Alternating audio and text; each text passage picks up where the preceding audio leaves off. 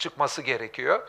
E, ciddi bir delili olmadığı gözüküyor bunun. Yani dünya tarihi boyunca korona gibi birçok mikrop çıkmış. İşte yani Birinci Dünya Savaşı'nın sonunda ortaya çıkan yine mesela pandemide bugünkünden çok daha fazla insan ölmüştü. Daha sonra işte AIDS ortaya çıktı. Yine bir virüs kaynaklı bir şey. Ee, ondan da şu andakinden daha çok toplamda insan yine AIDS'ten de öldü. Eskiden baktığımızda işte veba ile ilgili şeyler, diğeriyle ilgili yani dünyada salgın hastalıkların olduğu birçok dönem oldu. Hani bu insan biyolojisinin ve doğadaki işte bakteriler, virüslerin yapısından kaynaklı bir şey olması çok mümkün bir şey. Yani bir kere bir e, pandeminin çıkması dünyada olmaması gerektiği bir olay değil. Yani dünyada zaten dönem dönem olmuş bir olay. E zaten dönem dönem olan bir olay. Bir de yani insanlar evlerine kapanmaları, internetle ilgilenmelerini falan, internetin kullanımını hiç şüphesiz hızlandırdı, çok arttırdı ama yani internet teknolojisi zaten çok önemliydi. Bugünkü ne bileyim belli işte çok değerli internet üzerinden hizmet veren şirketlerin değeri belki bu olmayacaktı ama internetin değeri yine çok yüksekti. Yani bunun için hiç delil yokken pandeminin bunlar için ortaya çıkarıldığı gibi teorileri öncelikle e, kale alınmaması gerektiğini söylemek istiyorum. Şimdi felsefenin yani günümüzdeki işlevlerinden biri de hep diyorum çöpçülük oldu. Niye? Çünkü bir şeyi ciddi anlamda felsefi bir analiz veya sosyolojik açıdan analiz etmeye kalktığınızda başta karşınızda çöp bilgiler çıkıyor. Veya çöp bilgilerle ilgililerin gündeme getirilmesi karşınıza çıkıyor. Yani bunları bir ortadan süpürmek zorunda kalıyorsunuz ki hani gerçek alem yani hani evi döşeyecekseniz falan ev çöp eve dönüştüyse baştan bir çöpleri falan bir yere atmanız ondan sonra evdeki mobilyayı şunu buna yerleştirmeniz gerekiyor. Şimdi ciddi şekilde bir konuyu açıklamak için ne yazık ki günümüzde de bu durumdayız. Hangi konuyu açsanız bir sürü çöp bilgi, komplo teorisi e, ortama yayılmış vaziyette. Onların yanlış olduğunu anlatmaya çalışıyoruz. Bunun nedeni de ben evvelden Dunning-Kruger efektle interneti birleştirerek anlatmaya çalışmıştım. Bunu kısaca şöyle diyordum. Yani evvelden de bu özellikle gazetecilikle ilgili hep anlatılan bir olay vardır hatırlarsanız. Birçoğunuz biliyordur. Yani hani bir insan e, köpeği ısırırsa haber olur.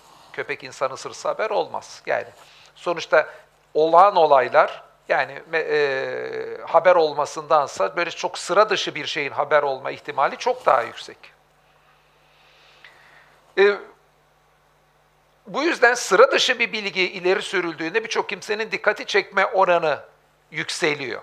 Mesela diyelim ki koronaya e, birçok pandeminden dünya tarihinden biri deseniz bunun e, dikkat çekme oranı o kadar yüksek değil. Fakat Metaverse'ün ortaya çıkması için böyle bir pandemi çıkartıldı deseniz böyle daha sıra dışı bir şekilde sunum daha çok ilgi çekiyor.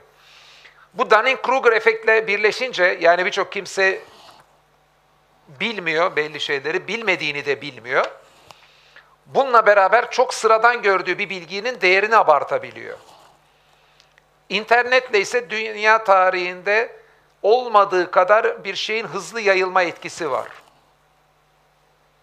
Ve bu şekilde çok basit, çok uyduruk haberler internette çok hızlı yayılabiliyor.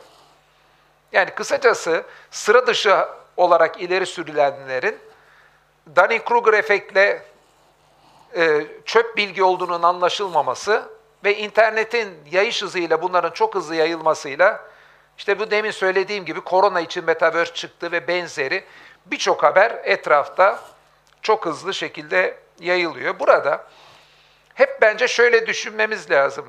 Yani böyle bir olaylar gelince bunu söyleyenlerin delili ne? Anlatıyorlar işte beyaz saçlı bilmem ne şövalyeleri, bilmem Rothschild ailesi bir şey yapmış etmiş. Yani delilin ne? Hangi delile dayanarak bu ortaya çıkartıldı şeklinde soruyu sormamız. Yani böyle bir olay normalde pandemi olmuyor mu ki?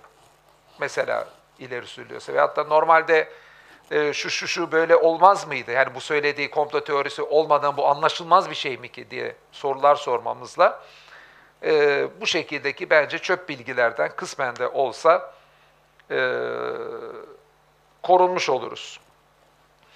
Şimdi Metaverse özünde nedir? Yani çok basit bir şey aslında. Bu hepimizin anlayacağı bir şey. Tabii ki bir ticari girişimdir. Teknolojinin de sunduğu imkanlarla birçok kimse para kazanmak istiyor dünyada. Bakın birçok üniversitede okuyanlar yani kendileri bir girişim yapıp büyük paralar elde etmek istiyorlar. İn, internet e, özellikle büyük paralar elde etmek için internetteki internet üzerinden kurulan projeler büyük imkanlar sunuyor. Ve insanlar elbette ki Metaverse'den para kazanmak istiyorlar.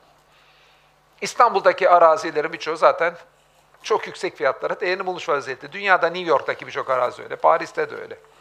Ama siz hayali olarak bir arazi yapıp satma beceriniz varsa bir tüccar olarak, insanları o hayali arazilerde dolaştırmak gibi, yani gitmeden dolaştırmak gibi, evvelden tabii aslında biz yine iki boyutlu kameralarla şu anda dolaşabiliyoruz Paris sokaklarında, İstanbul sokaklarında ama bu yepyeni teknolojiyle gözlükleri takarak e, evvelden olmayacak kadar gerçeğe daha yakın. Yine bir simülasyon.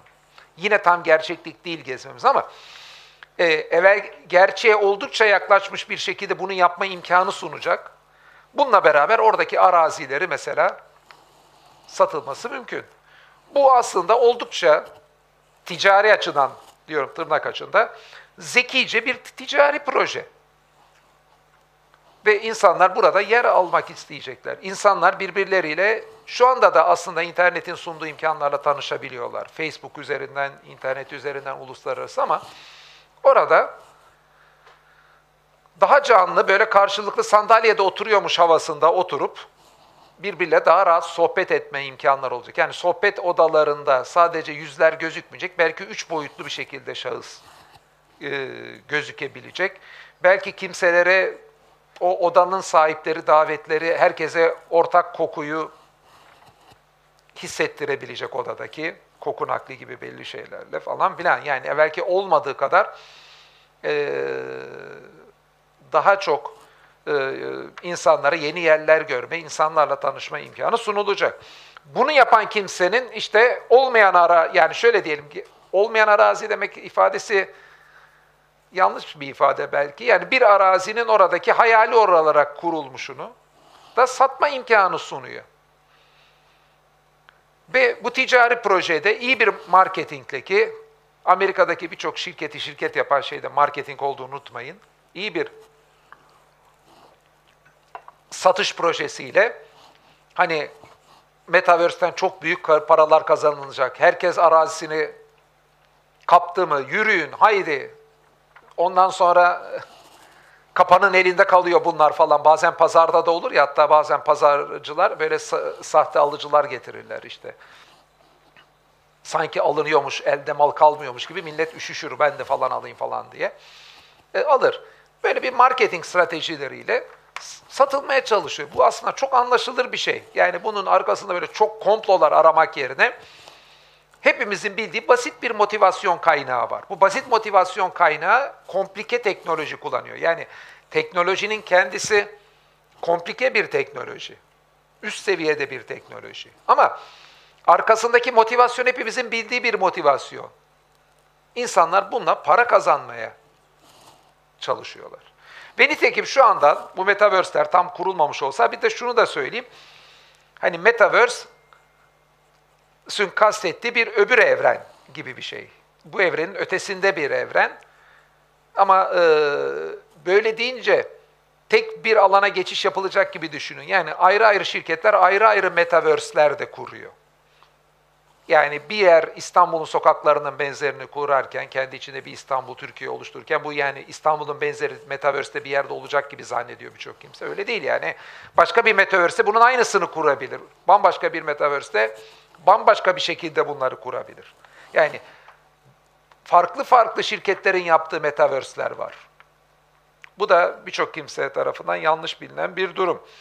Ama çok başarılı, ticari deha, pazarlama dehasıyla bunlar çok yüksek fiyatlara satılabilir ve şu anda satılmaya başlandı. Birçok kimse buralarda araziler satın alıyor. Çünkü ticarette şimdi tabii iktisatçılar bunu daha da e, geniş anlatacaktır. Yani bir malın sizin için ne kadar kullanışlı olduğu bir tek ticarette para etmiyor. Mesela diyelim ki şu su, işte susuzluğu giderir, şu kadar para eder tarzında bütün alımlar patates, domatesle düşündüğümüz gibi olmuyor. Mesela şunu düşünün yani bir Leonardo da Vinci'nin e, yaptığı resim. Yani o resmin ham maddesi birkaç dolardır. Ama Leonardo da Vinci'nin resmini aldığınızda 10 milyonlarca dolar verilebiliyor, 100 milyonlarca dolar veriliyor. Ve birçok kimse o parayı alırsa ileride bunu daha yüksek paraya satacağını düşünün. Yani birçok şey insanın elde bulundurmasının sebebi getirdiği prestij oluyor. Ve ileride bunu birine daha çok satacak olması ile ilgili düşünce oluyor. Yani Metaverse'deki reel olarak ne patlıcan gibi, ne elma gibi, ne armut gibi yenmeyen, sandalye gibi oturulmayan bir şey alıyor. Bunun ne anlamı var diyorsanız, e aslında biz bunu da gördük. İşte birçok resimde insan alınca bu yenmiyor, içme üstüne oturulmuyor. Ama bu yine birine satılabiliyor, bir şey yapılabiliyor. Yani birçok metayı değerli kılan şeylerden birisi, onu ileride birine satabileceğiniz veya ondan kar edebileceğiniz algısının olması. Ha, nitekim bununla da bu şekildeki algının oluşmasıyla, yani bunu şunun açısından diyorum. ticari açıdan bir şeyi almanın e, kendisinin kullanışlı olmamasından dolayı ticari açıdan bu yanlış bir yatırımdır da diyemeyiz. Pekala birine satabileceğiniz bir yatırım kendinin hiçbir kullanışlı yönü yoksa oldukça akıllı bir yatırım olabiliyor.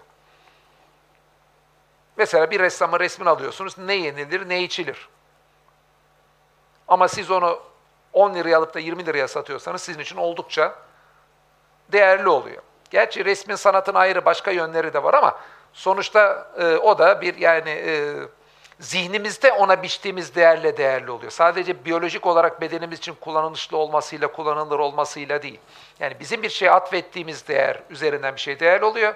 Ve ticari açıdan başka birileri de ona değer atfedip de ileride bizim onu elimizden çıkartabilip bilemeyeceğimiz de onun değerini belirliyor.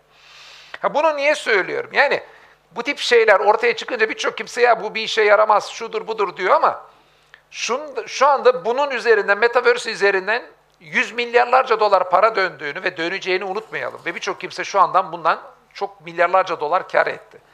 Veya ileride edecek. Ha bu ben para kazanılır mı, daha çok para batar mı benim bir iddiam yok. Ama yüz milyarlarca doların e, döneceği bir sektör olduğunu bilmemiz lazım bu caiz değildir, reyle karşılık gelmiyordur şeklindeki fetvaların burada öncelikle yanlış bir şeye karşılık geldiğini e, söylemek istiyorum. Şimdi bu sanal paralarla ilgili de soruluyordu. Belki iki soruya da bir arada en azından kanaatimi söylememde fayda var. Yani sanal paralar caiz mi? Şimdi sanal paralarında bununla şöyle bir ilişkisi var. Bu sanal paralarla Metaverse'te alışverişler yapılacak. Metaverse'teki araziyi satın alacaksınız veyahut da Metaverse'teki bir hizmeti satın alacaksınız ileride sunulan. Şimdi bu tip şeyleri düşünürken bence İslam her konuda e, düşünürken önce ilkeleri koyup sonra sonuca gitmek lazım. Önce ilkeleri koyup da sonra sonuca gitmezseniz herhangi böyle bir konuda o zaman sizin kendi arzu ve hevanızı dinselleştirmeniz tehlikesi olur. Birçok kimse bakıyor metaverse böyle saçma şey mi olur diyor. Bakın saçma olduğuna kanaat getiriyor. Basıyor haram. Ya İslamiyet'te saçma bulunan şey haramdır diye bir kriter yok ama. Bak saçma olabilir ayrı bir şey. Veya çok mantıklı bulsanız da bir şeyin helal olduğu anlamına gelir. Çok mantıklı birçok şeyde haram olabilir. Yani domuz eti yemek protein açısından, yağ açısından, şu bu açısından belki birçok kimse için çok mantıklı olabilir ama haram yani domuz eti yemek. Yani e, bizim mantıklı veya mantıksız bulmamız bir kriter değil. Hani nedir kriter? Aslında çok basit. Yani Kur'an'da bir şeyin haram olduğunu çıkartamıyorsanız otomatikman helaldir. Ve şunu unutmayın, saçma ve mantıksız bir şeyse de helaldir. Yapılmaması gerektiği bir şeyse de helaldir. Çünkü yanlış, yapılması yanlış olanla haram olan da ayrı kategorilerdir. Bunun için hep şey örneğini veriyorum. Yani muhallebi yemek. Yani bütün e, sağlık uzmanlarına göre rafine şeker günümüzde zararlı. Yani muhallebi, baklava, bisküvilerin hepsi zararlı yenmemesi lazım. Kim haram diyebiliyor? Yenmesi yanlış bunların bilimsel olarak. Muhallebilerin, bisküvilerin. Ama hiçbirimiz haram diyemiyoruz. Yani yanlışla haram olan kategorisini ayırmamız lazım. Şimdi Metaverse'den arsa ile sanal para ikisini tamamen aynıca e, mantıkla bakmamız lazım. Bir kere caiz olup olma meselesine. Bir, buradan şunu sormamız lazım. Mesela diyelim ki bu sanal paralar veya Metaverse'de bir arazi alıp satmak. Kur'an'da anlatılan batıl yolla para kazanmaya girer mi? Şimdi Kur'an'daki haram olan kazançlar anlatılıyor Kur'an'da. Mesela bunlardan bir tanesi hırsızlık. Şimdi siz Metaverse'ten bir şeyi çalmak mıdır Metaverse'ten bir şey almak veyahut da bir sanal para almak? Değil. Onu da çalıyorsanız birinden tabii ki hırsızlıktır, haram olur. Ama bizatihi kendisi Metaverse'ten bir şey almak, sanal para, Kur'an'da e, anlatılan hırsızlığın içine girmiyor. Peki Kur'an'da tartı ölçüde hileyle bir şey elde etmenin haram olduğu geçiyor. Metaverse'ten arazi almak veyahut da sanal para kullanmak, tartı ölçüde hile yapmak kategorisine giriyor mu? Hayır, böyle bir şey de girmiyor. Kur'an'da rüşvetin haram olduğu geçiyor. Direkt onunla ilgili de ifade ediyor. Peki bir rüşvetle alakalı bir şey mi? O da değil. Kur'an'da din adamlarının haksızlıkla insanların paralarını yediği geçiyor Tövbe suresinde. Yani din adamlarının din adına insanları uyutup parasını söğüşlemesine dikkat çekiliyor. Metaverse'de sanal paralar böyle bir şey mi? Değil. Peki kumar diyebilir miyiz? Bazıları kumara belki bunu en çok benzetecektir. Çünkü bu sanal paralar çok yüksek iniş çıkışları var. Bir şey kumara benzemesi ayrıdır, kumara kumar olması aynıdır. Yani siz bir koyunu domuza benzetebilirsiniz şekil olarak ama yani sonuçta domuz değil yani. Bir şeyin benzemesi değil. Çünkü Kur'an'daki kumar e, e, oynamak, riziko almak değil. Mesela riziko almak nedir? Diyelim ki siz herhangi bir yerde hiç kimsenin çölün ortasında bir arazi aldınız. İleride çok değerlenir diye düşündünüz. Ya belki birçok kimse size güler. Bin yıl onun değerlenmesini beklemez. Çok saçma bir yatırım olur. Ama buna böyle bir riziko almaya mesela arazi aldığınızda haramdır diye bilen var mı? Yok. Bu yüzden yani bu kumar olduğunu da söyleyemeyiz. Peki en netameli konu olan, e, öyle hepsini bitirdikten sonra sorulara geliyor. En netameli konu olan e, haramlardaki üzerine konuşulması en zor konu olan faizle bir alakası var mı sanal paranın veya metaverse'ten bir şeyler almanın, satmanın? Yani onunla da alakası yok. Kısacası bu saydıklarımdan hiçbirinde metaverse'ten bir alım satım yapmak veyahut da bu sanal paraları almak, ikisini bir arada ele aldım. İkisi birbiriyle ilişkili ama farklı şeyler ama aynı mantığın sonucu olduğu için. Ha sonuçta buralardan bir şey almanın, satmanın caiz olmadığını söyleyemez kimse. Siz bir şey A diye gösterip B diye satıyorsanız o metaverse alım satım olduğu için değil. Yani hileli bir satış yaptığınız için haram e, olacaktır. Bazısı diyor ki işte bunun arkasında devlet yok. Ben de diyorum kardeşim arkasında, internette var böyle bazı hocalar. Hani bir insan, hani şey derler ya, e, kedi fareyi yemek istediği zaman, pardon, kedi yavrusunu yemek istediği zaman orasını burasını fareye benzetirmiş. Şimdi bizimkiler de baştan aklına koymuş buna haram diyecek. Haram diyecek bir şey bulamıyor. Faiz desen faiz değil, kumar desen kumar değil. Ee, başka bir herhangi bir haram ticari şeye de girmiyor. Arkasında devlet yok diyor. Ya mesela diyelim ki herhangi bir dağ başında iki kişi birisi peynir sattı, birisi peynir aldı.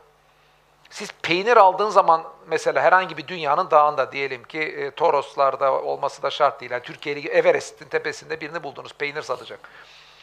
Aa de, bu devlet bu peynirin arkasında yok, devlet güvencesi yok, KDV kesilmemiş, etmemiş diye. Yani o peynir almak caiz değil mi diyoruz? Var mı dünyada öyle?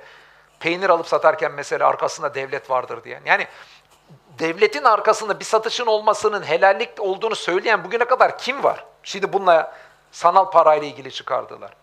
Hatta ben diyorum ki bir şeyin arkasında devlet olması haram olduğunu göstergesi desen daha mantıklı ki ben öyle bir şey demiyorum. Çünkü sizin o devlet dediğiniz parası dünyada en ünlü devletlerin çoğu zamanında Müslüman ülkeleri sömürde zaman değil hala sömürüyorlar bir kısmı. Müslüman ülkelere bomba yağdırdılar. Onların parasını alınca bu devlete hizmet ediyorsunuz. Bazı selefiler, selefimsi izahdakiler buna benzer izahlar yapmış da olabilirler. Bunların parasını kullanmanız caiz değildir. Deseler emin olun bu izahtan daha mantıklı. Hani ben o izahın da yanlış olduğu kanaatindeyiz de o bile bu izahtan daha mantıklı olurdu. Yani devlet dediğiniz şeylerin e, faaliyetleri çok caiz olan bir müesseseler olarak mı görüyoruz birçok? Hele dünyada parası en değerli devletler, Müslümanlara en çok zarar vermiş devletler. Bilakis. O yüzden yani bu devlet üzerinden, hani arkasında devlet yoktur izah tamamen bana göre çok saçma bir izah. Ee, bu para işte sanal karşılığı yoktur izah da çok saçma. Çünkü Türk lirasının da, doların da, euronun da, İsviçre frangının da hiçbirinin arkasında. Yani bunların hepsi zaten karşılığı yok paranın. Yani bir kağıda bir değer biçiliyor, bir yerde değer biçiliyor. Biz o kağıda değer biçiyoruz. Bütün biçilen bu değerler sanal. Gerçek anlamda bir, hiçbir paranın karşılığı yok. Hatta birçok para o kadar sanal ki yani internetten bile 100 bin lira gönderiyorsunuz bankasam 50 bin lira yani reel olarak o e, kağıt olan sanal uydurması bile aslında gidip gelmiyor.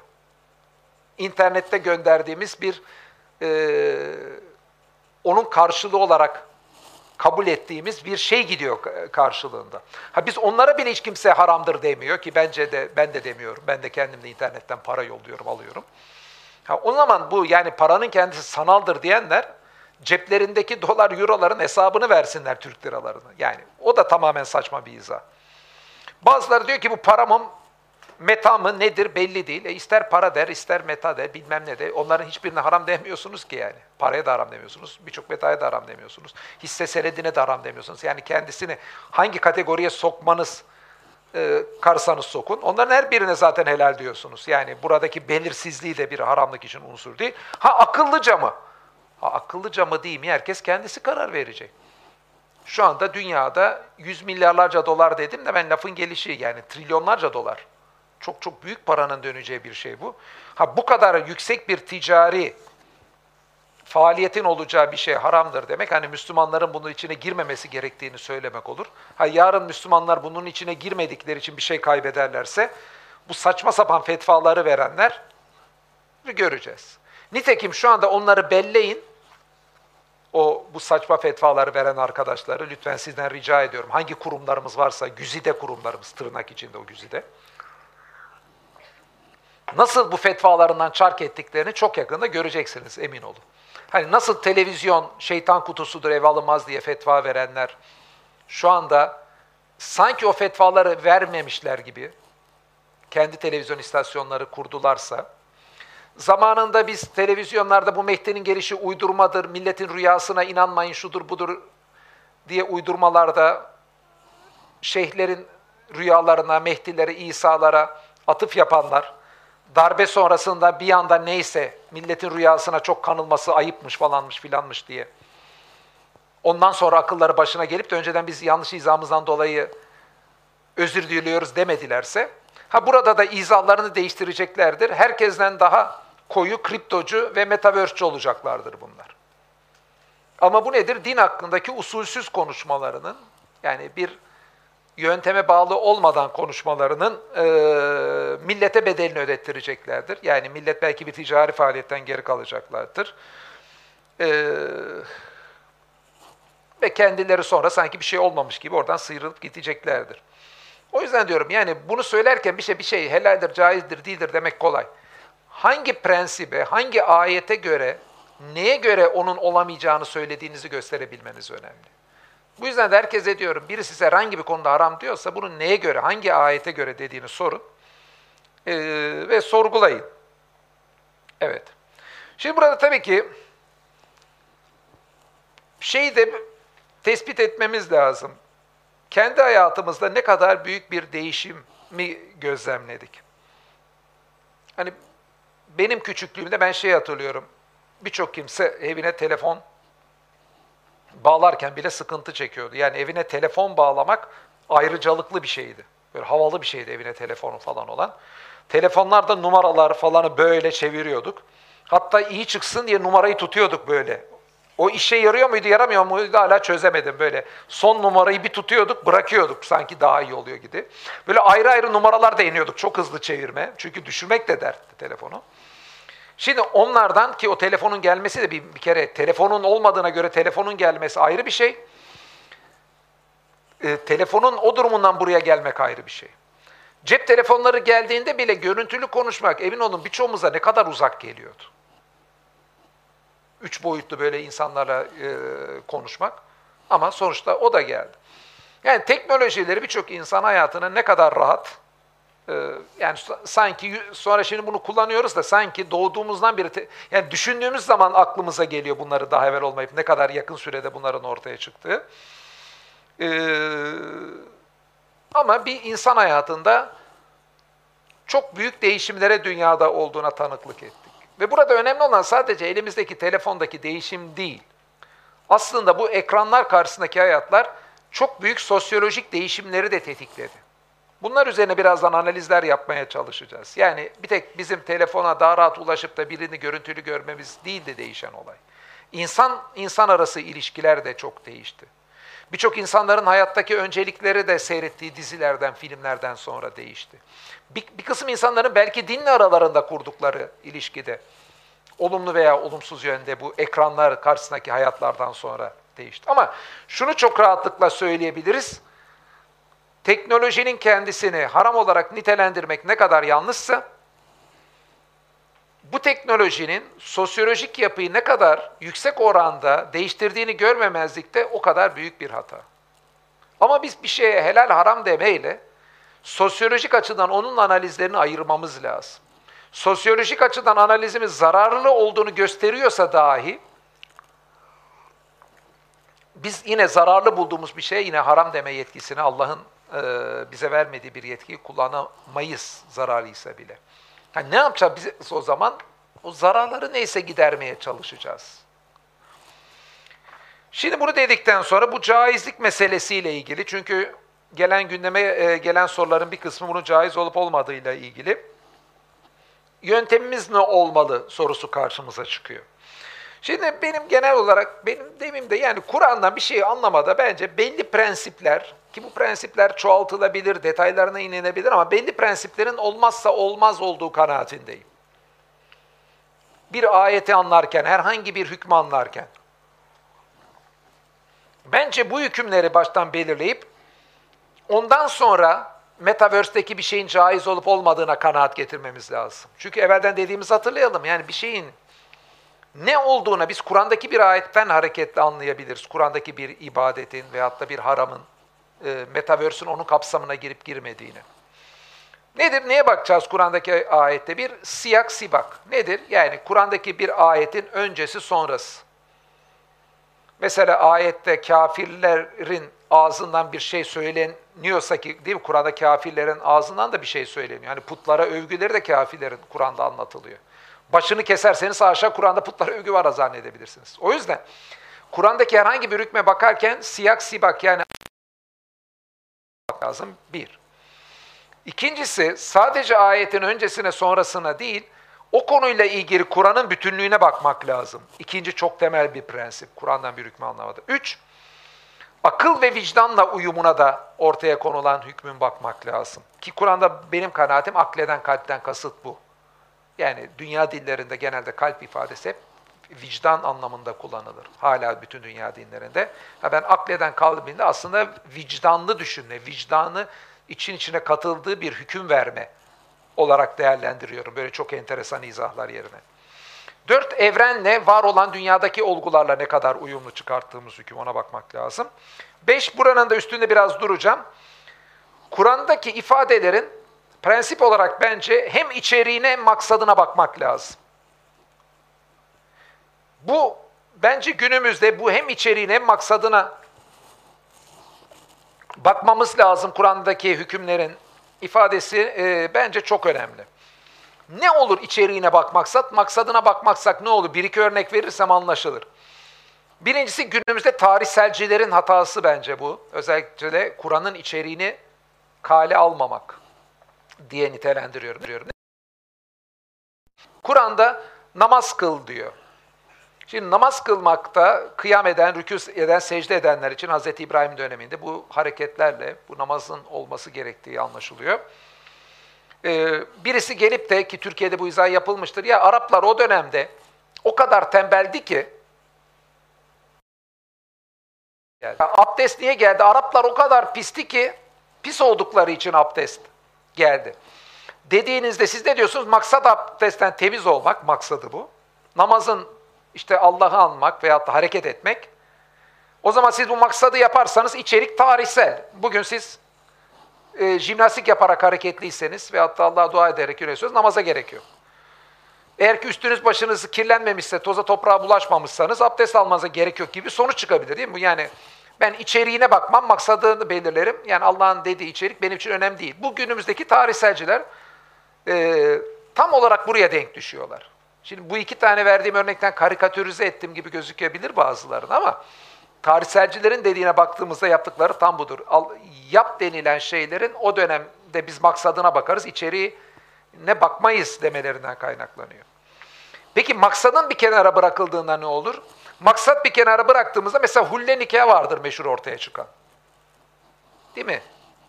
Allah belli bir sayıdaki boşanmadan sonra boşanma evlilikte çocuk oyuncağına çevrilmesin diye başkasıyla evlenip boşanmadan evlenemeyeceğini söylüyor. Siz böyle gidip de başkasıyla sahte bir nikah kıymaya kalkarsanız bunun adı hulle nikah olur. Bu ne olur? Ayetin maksadı. Senin evliliği ciddiye alman yani boşanmayı çocuk oyuncağına çevirmemiş olman. Siz o kadar boşanıp da yapamıyorsanız artık başkasını deneyin. Zaten olmuyor bu. İyi bir şey demek. Siz hulleyle bunu ortadan kaldırıyorsunuz. Veyahut da başka bir örnek verelim. En meşhur hulle izalarından biri. Faizle. Mesela eskiden yapılan bir olay anlatalım. Diyelim ki birisi faiz alıyor, riba. Riba nedir de bazı tartışmalar var ama işte çok aşırı faiz mi işte değil mi diye ben onunla ilgili bir e, iddiam yok. Riba şu anlama gelir ama yani çok yüksek faizi riba olduğunu ihtilaf edenler bile söylüyor. Diyelim ki birisine 100 lira para e, verdiniz. Ondan sonra bundan bir sene sonra e, 200 lira faiz alıp 300 lira alacaksınız. Ondan sonra ona veriyorsunuz diyelim şöyle bir kese kağıdının içinde 100 lirayı. Bir sene sonra size 300 lira verecek ya, faiz almayacaksınız diyelim buna ilgili diyelim şimdi bir e, maksadını ayetin bir kenara bırakıyorsunuz. Kese kağıdını 200 liraya sattım bir süre sonra almak üzere diye size kese kağıdını veriyorsunuz. Şimdi adama 100 lira verdiniz 100 lira alıyorsunuz. Kese kağıdını 200 liraya sattım diyorsunuz. Aslında niyetiniz faiz almak. Yani düz baksak Kur'an'da bir malı vadeli satılabilir mi? Satılamaz diyen yok. Kese kağıdının değeri diye de bir şey yok. Kese kağıdını 200 liraya sattım diyebilirsiniz. Ama bunu hepimiz biliyoruz ki buradaki amacınız o değil. Haşa Allah'ın ayetinin etrafından dolanmak. Yani maksadı bir kenara bırakmak.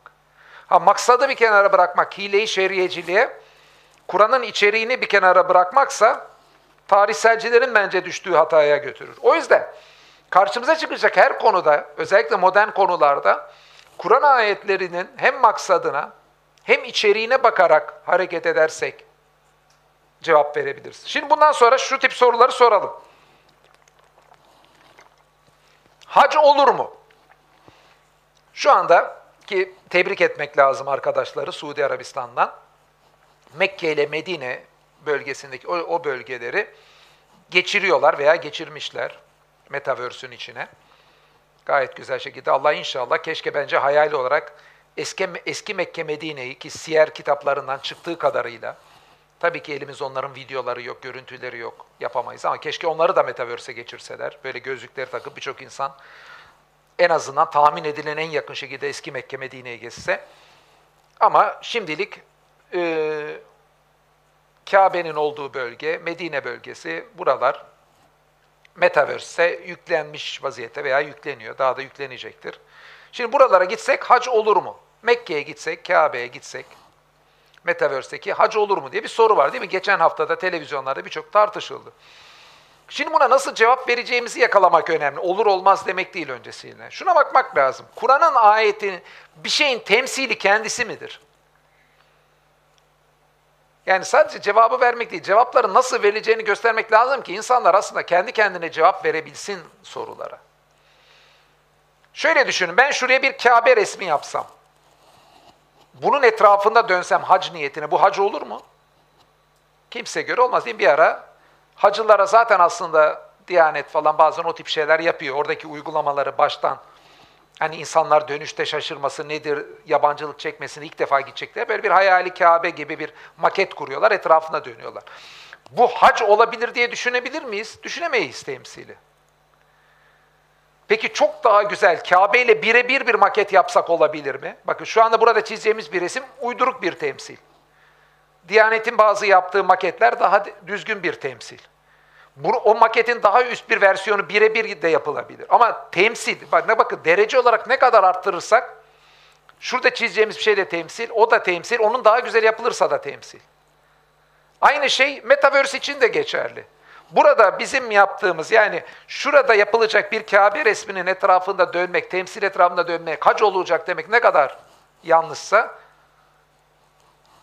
Metaverse'de yapılan birebir kopyası gibi şeyin etrafında veyahut da o hayali olarak alemin de hac yerine geçeceğini dönmek o kadar yanlış. Çünkü Kur'an'da söylenen şey Mekke'nin hac bölgesi olduğu?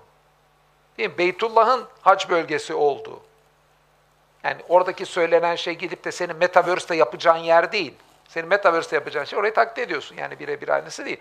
Ha, bu ayetin maksadı yerine getirir mi tartışılır. Bence maksadı da yerine getirmez ama en azından içeriği yerine getirmediği Kur'an'daki ayetin çok açık olduğuna göre e, hac olmaz. Veyahut da şöyle diyelim, Metaverse'de avatarlarımız yapılacakmış. Avatardan kasıt her insan. Aslında bu yani avatar yapılacak deyince yani çok böyle aslında bizim yapmadığımız bir şeyin e, hiç yani benzerini yapmadığımız bir şeymiş gibi de anlamamak lazım. Şu anda herkes Facebook'a, Instagram'a, Twitter'a kendi resmini koymuyor mu? Bazıları kendi resmini koymak yerine kendisini temsilen orada başka bir resim koymuyor mu? Aslında biz işte kendimizin yerine, şimdi nüfus kağıdımız söz konusu olunca pasaport, mecburen herkes kendi resmini koyuyor. Fakat sanal alem sosyal medya gibi bir yer. İsteyen kendi resmini koyar veya kendi avatarını yapar. İsteyen kendinin hiç alakasız bir şey yapabilir. Yani adam e, obez bir görüntüye sahipken pekala kendi avatarını Arnold Schwarzenegger gibi yapabilir. Yani çok sarışın olmayı sevenler varsa kendi avatarını Marilyn Monroe gibi yapabilir pekala. Yani istediği gibi avatarını yapabilir. Ee, bunda bir mahsur yok. Şu anda aynı şekilde kendi resminizin yerine Twitter'da da Arnold Schwarzenegger resmi veyahut da Marilyn Monroe resmi koyabilirsiniz yani. Bunda mani olmadığı gibi avatarda da bu yok. E peki avatarın kılacağı namaz olur mu diye birisi sorabilir.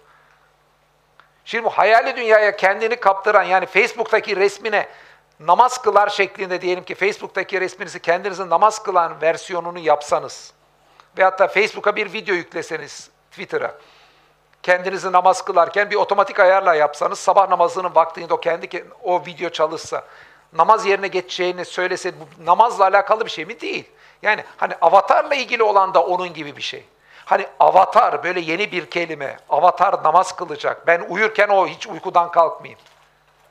Diye düşünmek yani orada olan bitenin olduğundan fazla anlam yüklemekle ilgili bir şey. Yani avatar bizim resmimizden farksız bir şey. Belki üç boyutlu başka bir kişiyle yan yana gelen bir şey ama yine bizim temsilimiz. Kısacası bazen yani Metaverse'de bir şeyler yaparken hem değerini küçümsemeden hem olan biteni abartmadan e, değerlendirerek buraları değerlendirenler aman işte yani bunlar işte gereksiz işler şudur budur bilmem kimin oyunu deyip de görmezlikten geliyorlar. Abartanlar da işte yani avatarın bizatihi kendisiymiş gibi ona fıkhi hükümleri uyguluyorlar. İşte avatar harama girerse ben harama girmiş olur muyum diyor. Ya bunun cevabı basit yani sen avatar değilsin. Yani şunu düşün biz oyunlar diyelim oynarken birini öldürsek oyunda değil mi? Özellikle savaş oyunlarını oynayanlar birçok kimse öldür. Ya birini öldürmüş oluyor musunuz? Yani bir oyunda birini öldürdüğünde gerçekten katil olduğunu düşünmek ne kadar saçmaysa Avatar'ın yaptığı bir günahın da senin günah, günah aynı derecede e, saçma olacağını söylemek lazım. Peki buradan gelsek, yani burada da hep diyorum yani Kur'an'daki ayetlerin bunları, bu tip soruları hep Kur'an'daki ayetlerin içerik ve sonucu açısından düşünürsek cevap gelir. Mesela diye kumarhaneye girip oynasam olur mu? Metaverse'te. Metaverse'te kumarhaneler de tahminim kurulacaktı. Çünkü kumarhanede dönen para büyük. Şunu düşünün. Şimdi kripto paralar yani şimdi şöyle yani kripto parayı siz elmaya armuta dönüştürebiliyorsunuz. Bir başka değeri Türk lirasına dolara dönüştürüyorsunuz. Onunla da pekala e, elma, armut alıyorsunuz. Yani kripto para aslında adı sanal para ama Yani diğer paralar kadar gerçek ve diğer paralar kadar gerçek metaya dönüştebiliyorsunuz. Yani bina alabiliyorsunuz, ev alabiliyorsunuz. Yani yüz milyarlarca dolar dönüyor. Yani gıda alabiliyorsunuz, pekala alabiliyorsunuz. Yani siz kumarhaneye girip de kripto parayla bir kumar oynarsanız yani bu dolar, euro ne kadar para ise kripto para o kadar para. Çünkü gerçek anlamda patatese, domatese dönüştürebildiğiniz bir para. Elbette ki o kumar olur. Fakat şunu düşünün, diyelim ki bazen çocuk oyunları vardır, size tavla oynuyorsunuz karşılıklı, yani para karşılığında değil, puan oluyor sizin 100 puanınız, karşı karşı taraf bir tek puan kaybediyor. Şimdi puan tipi bir şey diyelim ki sizin girdiğiniz metaverse puan karşılığında bir kumar oynasanız, o sonuçta puan hiçbir şeye karşılık gelmiyor. Sadece sizin başarınızı belirten bir şey. Bir spor müsabakasındaki birincilik, ikincilik vermek gibi bir şey. Yani karşılıklı bir metaya dönüştürülebilen bir şey yapmıyorsunuz. Kumardaki amaç gibi gerçek gerçek bir şey kaybetmiyorsunuz. Sadece bir kazananı ilan etmeyle alakalı bir şey. Elbette ki o haram olmaz.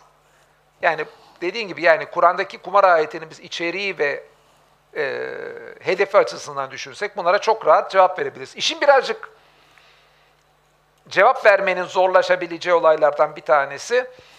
Şimdi tabii ki Metaverse ile ilgili düşünülen şeylerden birisi bu gözlükler takılıp Metaverse'e girilecek ama şimdi gözlükler takılıp Metaverse'e girildiğinde diyelim siz bir konsere gittiniz ki şu andan böyle organizasyonlar yapıyorlar. Sanal arsa alan bir e, popçu gidiyor sanal arsada şarkı konser veriyor. Ve siz gerçekten kripto parayla veya şu parayla bu parayla oradan konser bileti satın alıyorsunuz. Ve şu anda milyonlarca dolar dönüyor. Şu andan başladı. Bunlar tam kurulmamış olsa da. Yani buna benzer e, şeyler planlanıyor veyahut da yapılıyor da kısmen buna benzer şeyler. Şimdi e,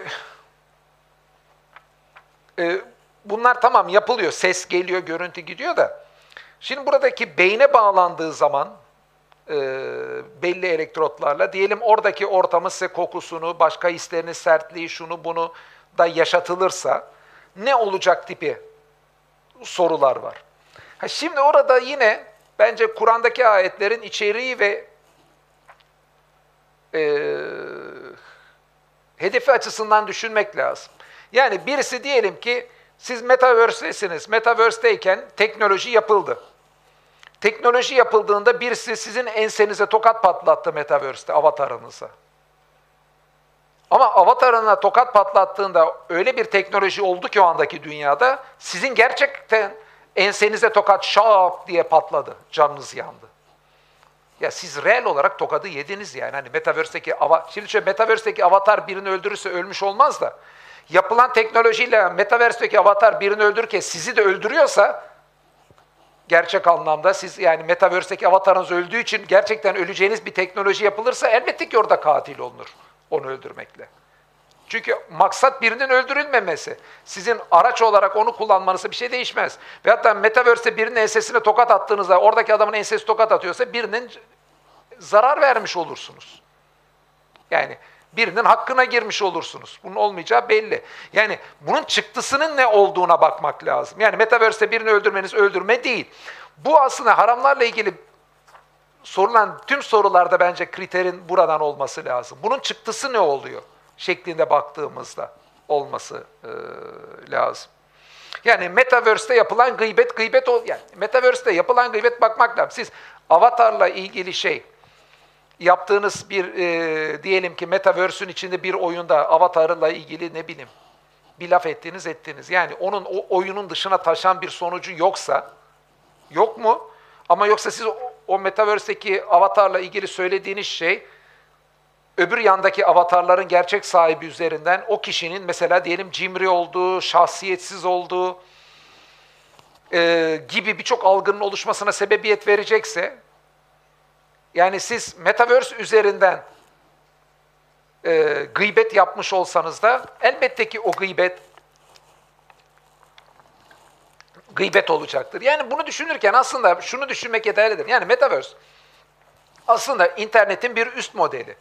Şöyle bir şey diyebilir misiniz? Yani Facebook'ta, Instagram'da birisinin aleyhine yazdığım bir iftira. Canım ben bunu birine, birine söylemedim ki. Sosyal medyaya yazdım. Sanal bir alem. Ya sanal aleme yazdın binlerce kişi okudu. Yani iftira atma haramı işlediğinde oradan da geçerli olacaktır. Yani oranın Facebook, Instagram olması nasıl ki bir gıybeti, iftirayı yok etmeyeceği gibi Metaverse'de aynı şey olursa da yok etmez. Yani olaylar böylece bence basit şekilde düşünürsek bunların hiçbirinde anlaşılmayacak bir şey olmadığı kanaatindeyim. Yani bunları anlamak için çok derin bir fıkıh bilgisine gerek yok bence.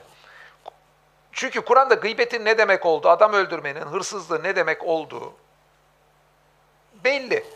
Yani Metaverse'e geçince bunlar olur mu olmaz mı deyince Kur'an'daki kelimelerin Arapçasında böyle yepyeni Metaverse ile ilgili sihirli ifadeler bulup da size söyleyecek bir fıkıhçı yok. Bu konunun uzmanı diyor fıkıhçı. Ya Metaverse zaten 5-10 sene önce çıktı. Neyin uzmanı? Önemli olan Kur'an'daki prensibi, hepimizin bildiği prensipleri Metaverse'e geçince yok olmayacağını bilen bir bakış açısına olaya bakabilmek. Bunu şunun için diyorum. Yani basit prensiplere göre düşündüğümüzde aslında hepimizin vicdanlı bir şekilde düşünmesi neyin ne olduğunu anlamamız için yeterli. Çok derin fıkıh uzmanlarının Metaverse'ü masaya yatırıp da cevap vermesine gerek yok.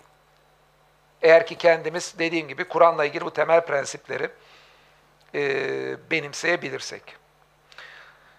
Şimdi İslam'ın ahlakı,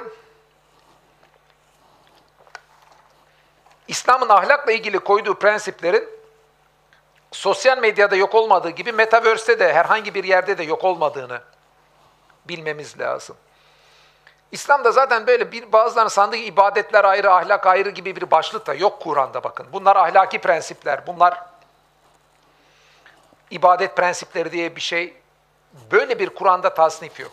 Allah'ın yapmamızı istedikleri var. Onların hepsi de Allah'ın yapmamızı istedikleri kategorisinde. Namaz da var bunun içinde, oruç da var, zekat da var, gıybet yapmamak da var, başkasının gizlisini araştırmamak da var, insanlara iftira atmamak da var, hırsızlık yapmamak da var, tartı ölçüde hile yapmamak da var, ee, insanların arasına bozmamak da var, arası bozulanların arasını düzeltmeye çalışmak var. Bunların hepsi İslami bir hüküm yani Kur'an'da bunların hepsinin karşılığı bütün olarak var. Bütün olarak geçer geçer kaideler şeklinde bir şey yok. Hepsi e, tek bir başlıkta geçiyor. Burada bazıları niye ahlak diye ayrılıyor? Çünkü Kur'an'ın e, belli prensipleri, insan insan arası ilişkilerle alakalı prensipleri aslında Kur'an'ı benimsemeyen birçok insanın da benimsediği prensipler. Onları ondan öbürlerinden ayırt etmeye çalışıyor. Yani diyelim ki birisinin hakkında arkasından konuşup konuşmamak, ticarette hile yapıp yapmamak. Her insan insan arası ilişkideki kimseyi ilgilendiriyor. Ama mesela namaz e, insan Allah ilişkisi arasındaki bir şey gibi gözüküyor başlangıçta. Yani daha doğrusu tabii ki öyle de diğeri sırf insan insan arası ilişki gözüküyor diye söylemem lazım. Yani namaz kılarken insan Allah arası bir ilişki yapıyorum. Allah için namaz kılıyorum, Allah için oruç tutuyorum. Diğer bir insan etrafında hiç olmasa da oruç tutuyorum, namaz kılıyorum gibi e, düşünülüyor. Fakat e, birinin malını çalarken, rüşvet verirken, şey yaparken oradaki başka bir insana zarar veriyorum. Şimdi bu insanların yani Kur'an'ı benimsemeyen insanlar için de bunlarla ilgili davranışlar üzerine düşünce söz konusu olunca insanlar bunlar ahlak kuralları olarak isimlendiriyorlar. Etik, ahlak, dünyanın değişik dillerinde bununla ilgili değişik isimler var. Şimdi Kur'an'da hem bunlar hem diğerleri olunca bunları bunlardan ayırt etmek için bazımız bunlara ibadetler, bunlara ahlak falan deniyor. Mesela böyle bir ayrım yapıyoruz. Kur'an içinde böyle ikili bir ayrım olmasa da. Aslında burada yapılan yani Kur'an'ın yaptığı şey şu diyebiliriz. Ee, insanların ahlaki prensipler diye diğerlerinden ayırdığı prensipleri. Kur'an insan insan arası ilişkilerde nasıl davranacağımızı bize söyleyerek insan insan arası ilişkiyi de insan Allah arası ilişkinin bir parçası kılıyor. Bir daha istiyorsanız tekrar etmek gerekirse. Burası çünkü ahlakla ilgili bakışta çok önemli bir konu. Şimdi biz e, birçok kimse namaz, oruç, namaz, e, diğer birçok şeyi insan Allah arası ilişki olarak görüyor. Diğerlerini insan insan arası ilişki olarak görüyoruz. İşte rüşvet, gıybet yapmamak, e, insanların ticarette üç kağıtla konmamak gibi şeyleri. Bunlar insan insan arası ilişki diyor diyoruz. Şimdi fakat Allah bize tartıda ölçüde hile yapmayın, rüşvet almayın, gıybet etmeyin dediğinde ne oluyor? Artık o bizim sırf benim Ahmet'in malını çalmış olmuyorum ki. Sırf Ahmet'in arkasından konuşup da onun gıybetini yapmış olmuyorum ki. Aynı zamanda Allah'ın yapma dediği bir emri çiğnemiş oluyorum. Yani oradaki bir tek Ahmet'in hukuku değil.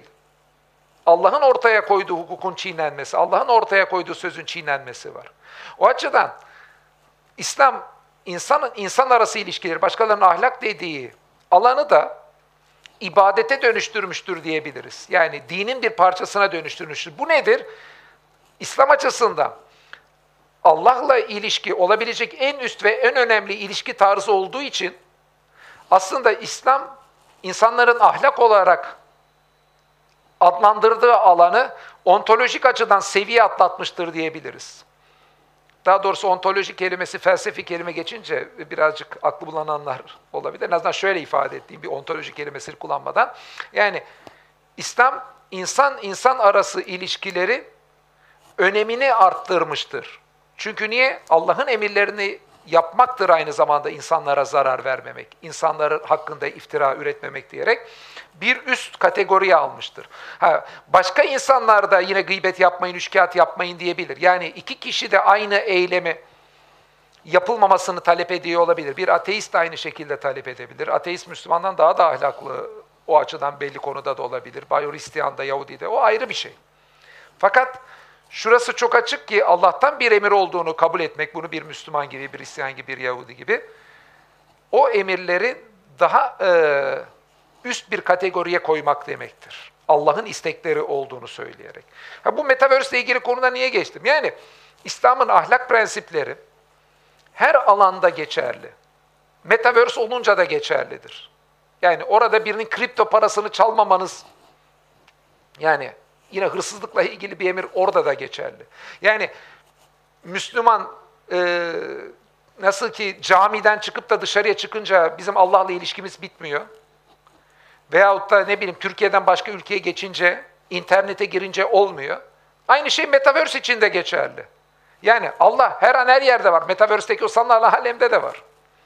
O açıdan yani Allah'ın olmadığı bir alan olmadığına göre e, Metaverse'de de İslam'ın yani bu gıybetle ilgili, işte hırsızlıkla ilgili, bilmem şunla ilgili hiçbir ahlaki prensibinin yok olmadığını da e, baştan belirtmek lazım.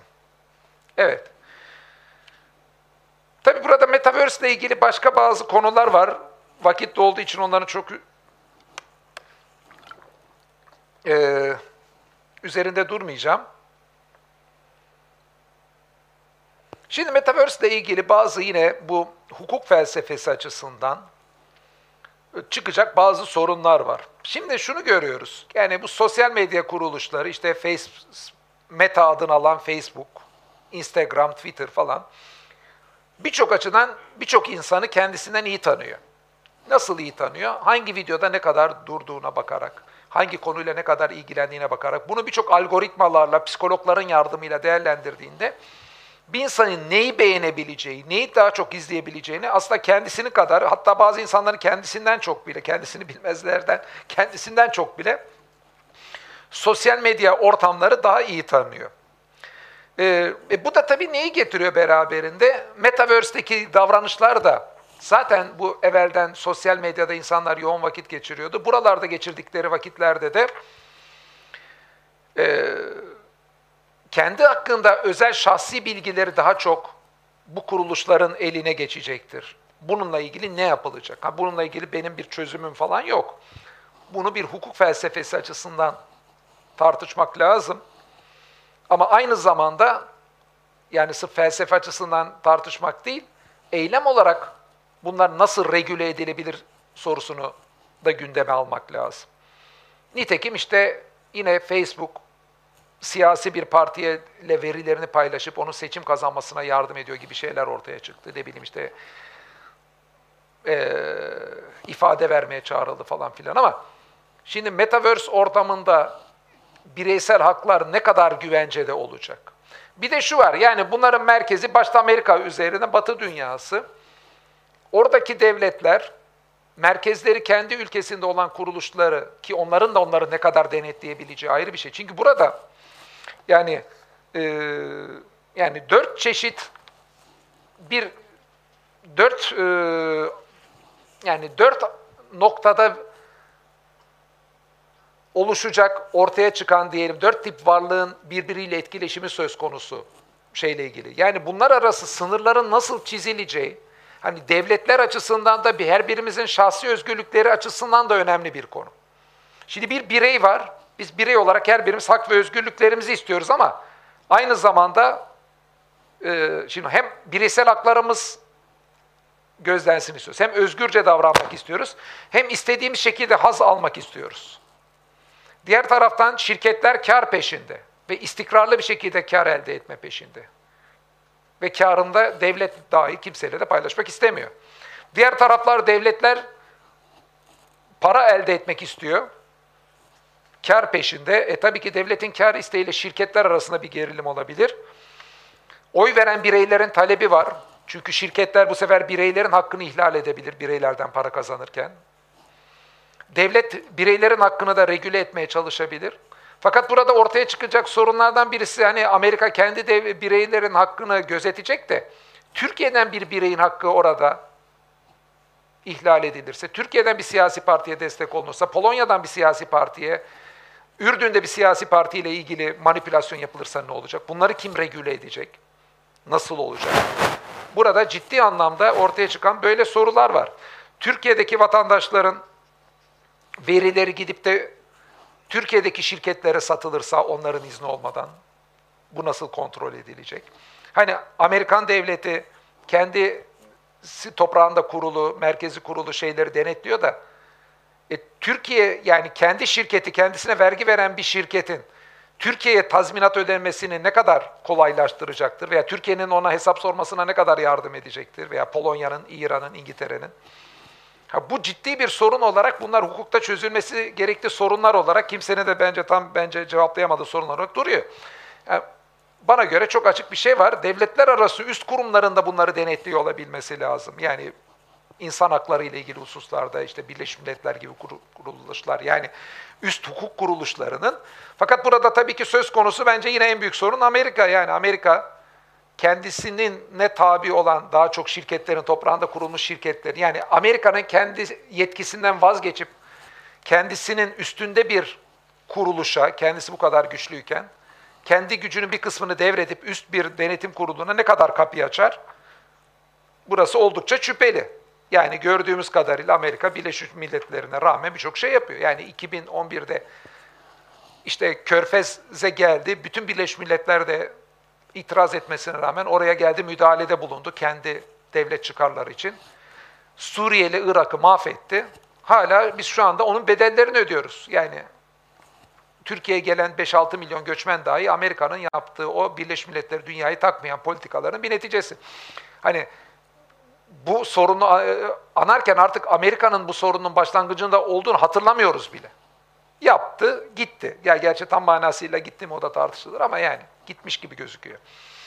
Ee, şimdi bu tip sorunlarda yani bugüne kadar olanlarda e, kendi devletinin menfaatini, uluslararası topluluğun menfaatini hep üstünde tutan bir devlet, Metaverse ve diğerleriyle ilgili ticari faaliyetlerde de kendi üstündeki hukuk organlarına, o şirketlerin denetlemesini bırakması bana göre oldukça sorun çıkartacak bir olay. Olması gereken ama Amerika'nın gibi devletlerin sorun çıkartacağı bir olay olduğu kanaatindeyim. Bu tabii ki ciddi bir yani dünya çapında e, tartışılması gerekli bir olay. Yani bireyi devletten kurtarıp bu firmaların şimdi hani bazen bu tip şirketler kripto paraları şunu da diyoruz. Hani bireyi devletten kurtarıp bu firmaların insafına bırakıyor. Gerçekten dünyada bende göre de önemli sorunlardan biri devletlerin birey üzerinde tahakkümü. Dünyadaki birçok devlette bu sorun. Aşağı yukarı dünyanın her tarafında devletlerin birey, bireylerin hakkını ihlal etmesi büyük bir sorun ama şimdi birçok kimse kripto paralar, metaverse'leri devletin insan üzerindeki gücü azalacak diye beğeniyor. Doğru mu? Doğru. Yani beğenme kısmı değil. Yani devletin birey üzerinde gücünün azalacağı doğru. Niye doğru? Çünkü devletler bir bilgiyi kontrol edemiyor. Şimdi Metaverse'te kurulan üniversitelerle eğitimi de kolay kolay belki kontrol edemeyecek. Birçok olguyu da kontrol edemiyor. devletin içindeyken eski yapılarda çok daha rahat kontrol ettiği bilgi akışı, eğitim gibi şeyleri birçok devlet kontrol ediyor. Bu ne demek? Devletin gücünün kaybı. Fakat devletin gücünün kaybı varken burada mesela bu her yani bireylerin özgürleşmesi gibi bazen avantajları gerekiyor ama bireylerin haklarının ihlalinde de dezavantajlar da getirebiliyor. Yani bu devletin gücünü kaybetmesi hep avantaj değil, birçok zaman dezavantaj da getirecek bir olay. Bu paradokslar nasıl çözülecek? Bu da dünyanın önünde duran sorun olarak hepimizin ilgilenmesi e, gereken bir şey. Yani devlet oyunu yitirmemeye çalışan, demokrasiyle yönetilen devletler en azından vatandaştan oyunu yitirmemeye çalışıyor. Vatandaş adına birçok şeyi regüle etmeye çalışıyor. Bir yandan oyunu yitirmemenin yanında daha çok para elde etme endişesi var. Oysa şirketler müşteriyi kaybetmemek, ile ilgili endişeleri var ve onları da yine parayı daha çok devlete ve kimseyle paylaşmadan kendinde tutmak var. Bu tabii ki devlet şirketler arasında menfaat çatışmasını da doğurabilecek bir şey. Bu nasıl çözülecek, nasıl olur onu önümüzdeki süreçlerde göreceğiz. Evet.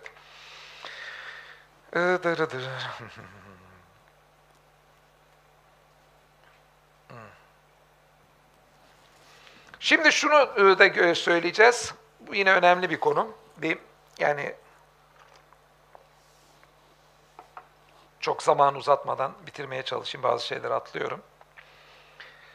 Şimdi yapay zekalar da gündeme geliyor. Bu Metaverse ile aynı konu değil ama tamamen ayrı bir konu da değil. Bunlar paralel giden teknolojiler, iç içeler, birbiriyle alakalılar.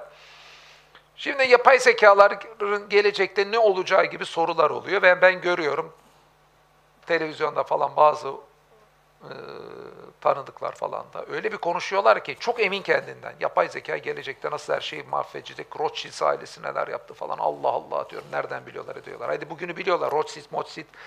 Adam kimsenin çözemediğini çözdü, Kızılaç örgütü bilmem ne yaptı falan filan. Kimsenin bilemediği bilgiyi internet sitesinden öğrenip biliyorlar ama hani geleceği nereden biliyorlar? Şimdi Bunlar tabii ki bana göre işin doğrusu bu tarz yaklaşımların özellikle gelecekle ilgili yapay zekalar insanlığı şöyle işte yok edecekler, yok yapay zeka dini kurulacak bilmem ne yani. Bu izahların çoğunun ciddi alınacak bir yönü yok.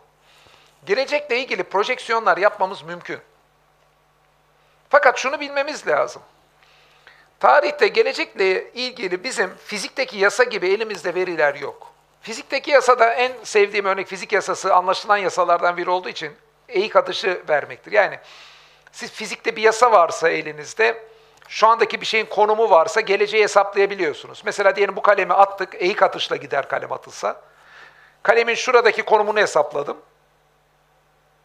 Ee, konum ve zamanını hesapladığımda kalemin şuradayken, ileride düşeceği konum ve zamanını da hesaplarım. Eğik atışla. Niye? Bir fizik yasası konum zaman gelecek hesaplanabiliyor. Mesela güneşin kaç milyar yıl sonra başka bir şey olmazsa hidrojenin helyuma çevirmeyle sonunun geleceğini hesaplayabiliyoruz. Fizik yasası ve konumla beraber. Şu andaki mevcut hidrojen helyumu da bildiğimizde. Bunu niye söylüyorum? Fizikte bu tip hesaplar mümkün. Fiziğin dışına çıktığınızda emin olun biyolojide bile bir adaya 3-4 canlı koysanız bilmem kaç yıl sonra o canlılar ne olur, mutasyon mu geçirir, nereye evrilir, biyoloji gibi bir doğa bilimleri ilgili alanda bile hesaplayamıyorsunuz. Hele sosyolojik vakalara geçtiğinizde böyle bir hesap, ha bir de fiziğin içinde de hesap mümkün değil. Kaos teorisi gösteriyor da onu hesaba katmadım bile. Ama fiziğin dışına çıktığınızda böyle bir hesap hiç mümkün değil. Ondan sosyo yani toplumlara nereye gittiği sosyolojiyle ilgili bir iddia. Sosyolojide hiç kimsenin elinde fiziksel bir yasa yok. Bu da şu demektir. Gelecekte şu olacak diye kesin konuşanların hepsi palavracı demektir. Bunu çok açıkta söyleyerek bir daha vurgulamaya sağlıyorum. Toplumlar gelecekte şuraya doğru gidecektir demek elimizde bir matematiksel yasa olmadığı söyleyenler palavracılardır. Bu palavracılardan ekranda bol bol var görebilirsiniz. Bu palavracılar silsilesinin tarihte Auguste Comte, Marx gibi önemli isimleri de vardı. Ve hepsi de knockout oldular gördüğümüz kadar değil mi? Gelecekle ilgili yaptıkları projeksiyonlarda. Niye? Çünkü işte Marx tarihinde fiziki yasaları gibi yasaları olduğunu söylüyordu ve kendisinin fiziki yasalarını bulan kişi olduğunu söylüyordu. Gelecekteki toplumların nasıl sosyalist evreye, oradan komünist evreye geçeceğini söylüyordu. Marx'ın söylediği, dikkat edin bazıları yanlış anlıyor. Olması gereken budur, ideal devrim budur demedi Marx. Kaçınılmaz olarak toplumlar böyle olacak dedi. Kendisi de komünizme ve kendisine uyanlar baştan kabul eden kişiler olarak kaçınılmaz olarak olacak şeyi baştan kabul ettikleri için kendilerine ilerici dediler. Bunları kabul etmeyenlere gerici dediler. Türkiye'de birçok dindar veya diğerine gerici denmesinin sebebi de budur. Niye? Çünkü onlar tarihin ileri aşamalarında var olmayacak kişilerdi. O yüzden onlar gericiydiler. İlericilerse daha tarihin o aşamalarını baştan yaşayanlardı. Bunun arkasında tarihi bir fizik gibi bilmek iddiası vardı Marx'ta. Ve bu Marx'ın özellikle 19. yüzyıldaki tarih birçok tarihçide, birçok sosyologda bu hatanın olduğunu gözüküyoruz. Yapay zekalar veya metaverse ile ilgili tahminleri yapanlar özellikle bu futurist kulüplerde çok yaygındır. Emin olun fizikle tarihi karıştırmak hatasına düşüyorlar. Ve bol bol işin doğrusu palavra atıyorlar. Gerçek şudur, bunun bize söylediği şey şu, geleceğin ne olacağını hiçbirimiz bilmiyoruz. Ama e, intelligent guessing dediğimiz, yani böyle akıllıca tahminlerde bulunabiliriz. Eğilim şöyle olursa böyle olur, böyle olursa şöyle olur, böyle olursa şöyle olur gibi fikir jimnastiklerinin yapılması da mümkün. Nedir? İşte yapay zekalar görürüz. Yapay zekalar insanların birçoğunun e, işlerini devralıyorlar. Ne bileyim şu andaki bank, yani yapay zekalar aslında daha basit versiyonlar etrafımızda görüyoruz. Ya basit versiyonlarını demeyeyim yani. Yapay zekaların yapacağı işleri şu anda zaten birçok makinenin yaptığından farklı değil. Nedir? İşte bankalarda ki bankamatikler. Ne yaptı? Yapay zeka bir, işte bir yerde. O da bir çeşit yapay zeka diyebiliriz. Orada para ihtiyaçlarınızı bir şekilde al veri hallederek bankada çalışacak insanların yerini alıyor. Makine çalıştırmak, insan çalıştırmaktan daha ucuz ve daha zahmetsiz olduğu için birçok insan onu tercih ediyor. Eğer ki bankamatikler olmasa bugün bankalarda çalışan herhalde on binlerce daha fazla kimse olurdu. Ha, yapay zekalar o bankamatik gibi gişeden de para almayla ilgili işleri yaptıklarında mesela bankalarda veyahut da McDonald's'larda veyahut da işte Burger King'lerde belki Nusret'te bile yaparlar. Sadece Nusret'in kendisi yapay zekaların arasında bir tek tuz serpme işi dışında bir şeyi kimseye bırakmadan yapay zekalar arasında bir Nusret olur. Ee, ne olacak? Nusret'te çalışanlar, Burger King'de çalışanlar, bankada çalışanlar işsiz kalabilecek. Bu kötü bir şey mi? İşin doğrusu ben buradan çıkacak hayrın şerden çok olabileceğini düşünüyorum. Niye? Yani insanların işsiz kalması tabii ki bir hayır yok ama insanların gücü, insanların iş gücü makineler tarafından alındıkça bu insanlar aslında daha çok çalışma, daha çok düşünme ile ilgili, daha çok seyahat etme ile ilgili imkan da tanıyacak bir ortam oluşturabilir. Tarlaları süren çiftçilerin yerine dünyada ekili olmayan aranları da yapay zekaların işletmesi pekala mümkün olabilir. Yani o zaman insanların çoğu bana göre pek insan yaratılışında uygun görmediğim sabah 9'dan akşam 5-6'ya kadar haftanın 5-6 günü çalışmak yerine haftada 1-2 gün 3-5 saat herkes saat başına, çalıştığı ay başına değil herkesin saat başına para alıp çalıştığı sistemlere dönebiliriz. Artık insanlar metaverse'de, camilerde e, veya seyahatlerde birçok yerde kendi seçtikleri yerlerde yani kendi geçimlerini sağlamak için mecbur oldukları yerlerde değil. Zaten yapay zekaların sağladığı ortam insanların temel ihtiyaçlarını karşılayacağı için çok daha az çalışıp e, sosyal faaliyetlere daha çok vakit ayıracakları bir ortam kurulabilir. İşin doğrusu bu mümkün. E bu böyle olacak diyebilir misin? Olamaz. Tabii ki değilim. Yani nasıl emin olabiliriz? Pekala yapay zeka ile ilgili korkutucu bir senaryo da düşünebilirim. Demin düşündüğüm iyi bir senaryo nasıl olabilirdi? E, korkutucu senaryo nasıl olabilir? İnsanlar dünya ile ilgili bitmeyen emelleri ve hırslarına yapay zekaları da alet ederler. Ne kadar Birleşmiş Milletler'de yasak olsa da. Sonunda Birleşmiş Milletler'de zaten kale alınmadığı çok oluyor.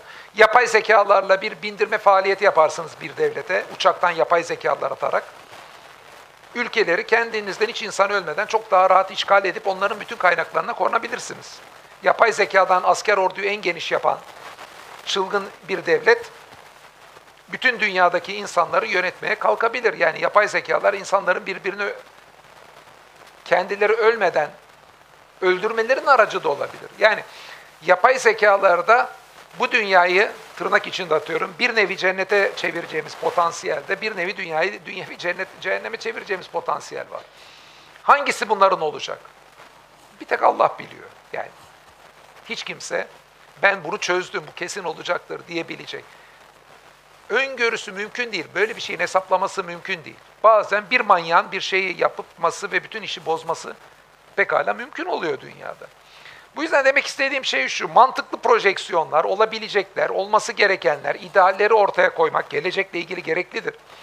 İnsanın iyi üretim yapması için gelecekle ilgili düşünmesi gerekli ama gelecekle ilgili tarihi çözmek, büyük fütürist olduğunu söyleyenler sadece bence büyük palavracılar olmaktan başka bir yere gidemeyeceklerdir. Evet.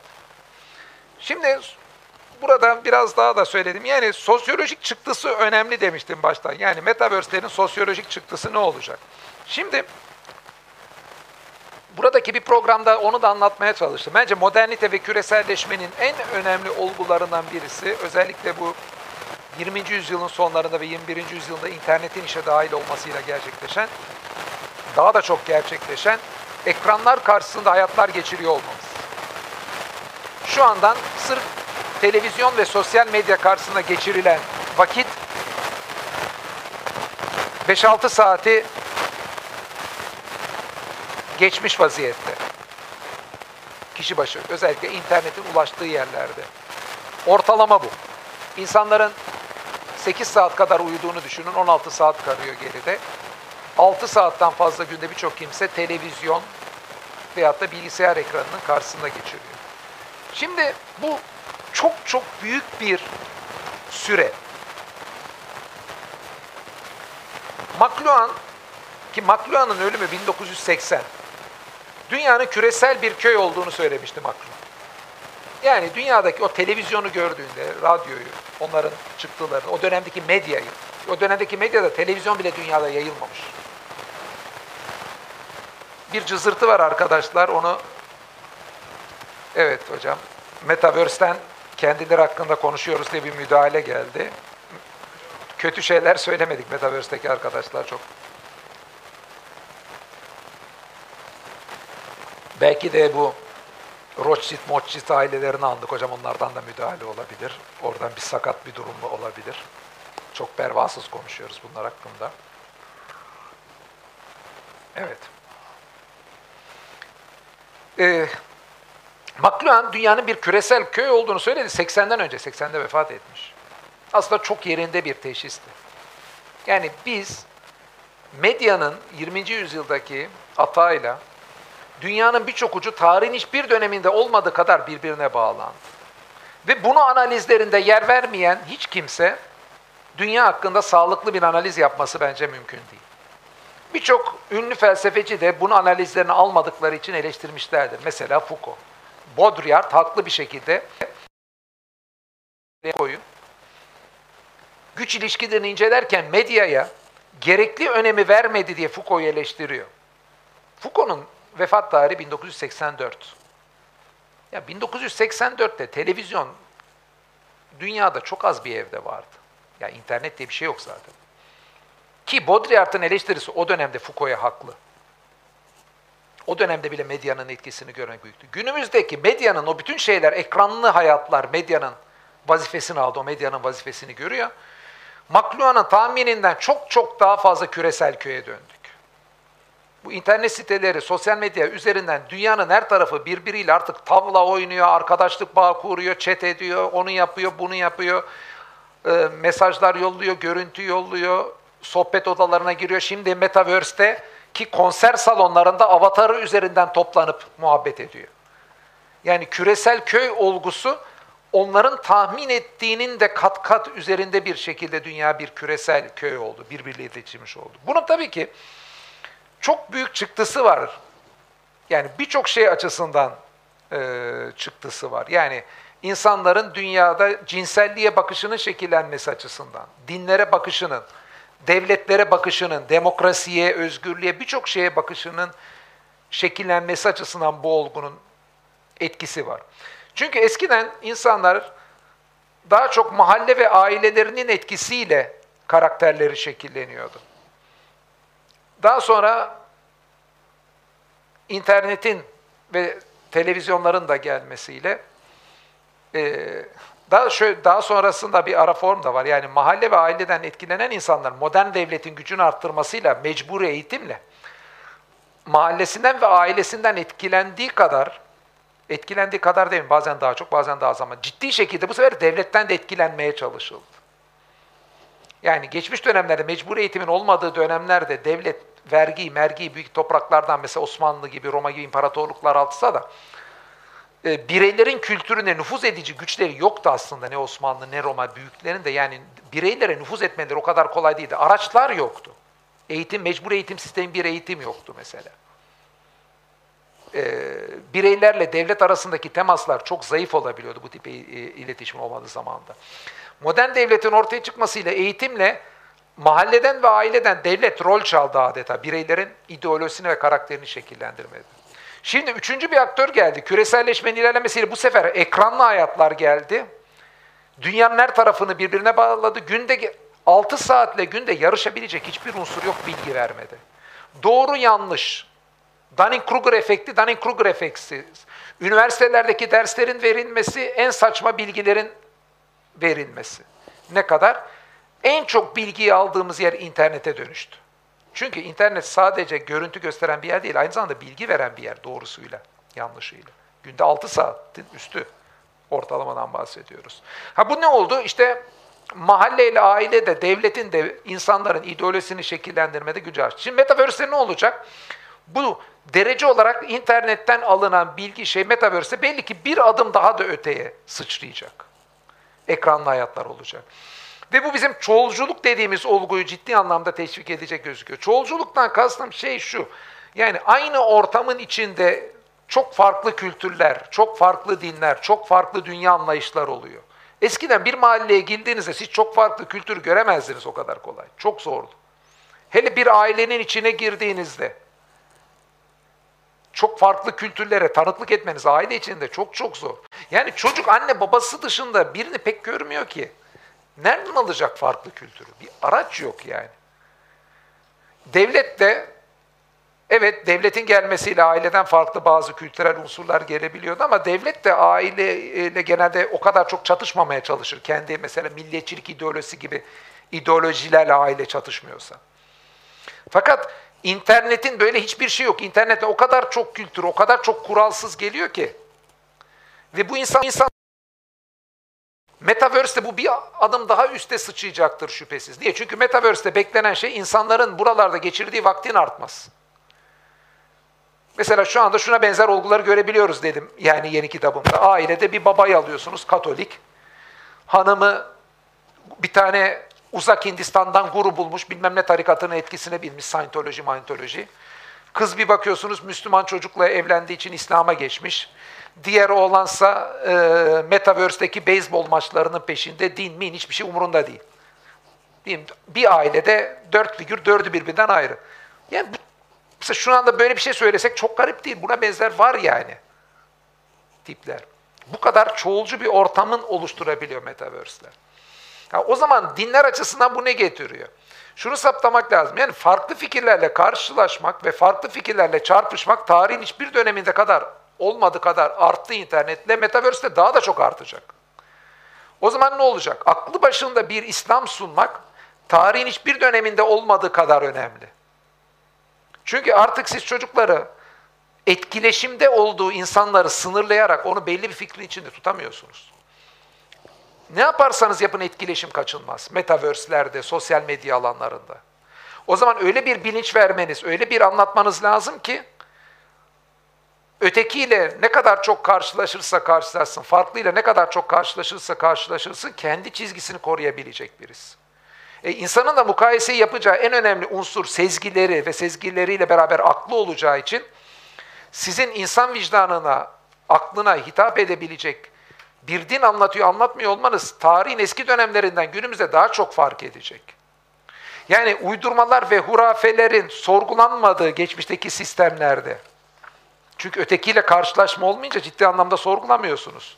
Hurafelerin geleneğe çevrilip aktarılması daha kolayken işin doğrusu bu günümüzde o kadar kolay değil. Çünkü siz çocuğunuzun e- ve etrafınızdakilerin ötekiyle etkileşimini azaltmadığınıza göre sizin bu aktardıklarınızın çarpışacağı süreçler vardır. Batıl da zail olmaya mahkum hakla karşılaştığında. Delili yok, gücü yok arkasına duracak. Bir alışkanlık diye sürdürülüyor. Bu yüzden yani tarihin hiçbir döneminde olmadığı kadar İslam aklı başında anlatmayla ilgili projeleri ön plana çıkartmanın bu dönemde arttığını, e, önemin arttığını söylemek istiyorum. Fakat diğer taraftan şunu da yakalamak lazım. Çok paradoksal bir olgu var burada. İnternetle beraber dünyada yayılan kültür de çok tarafsız bir kültür değil.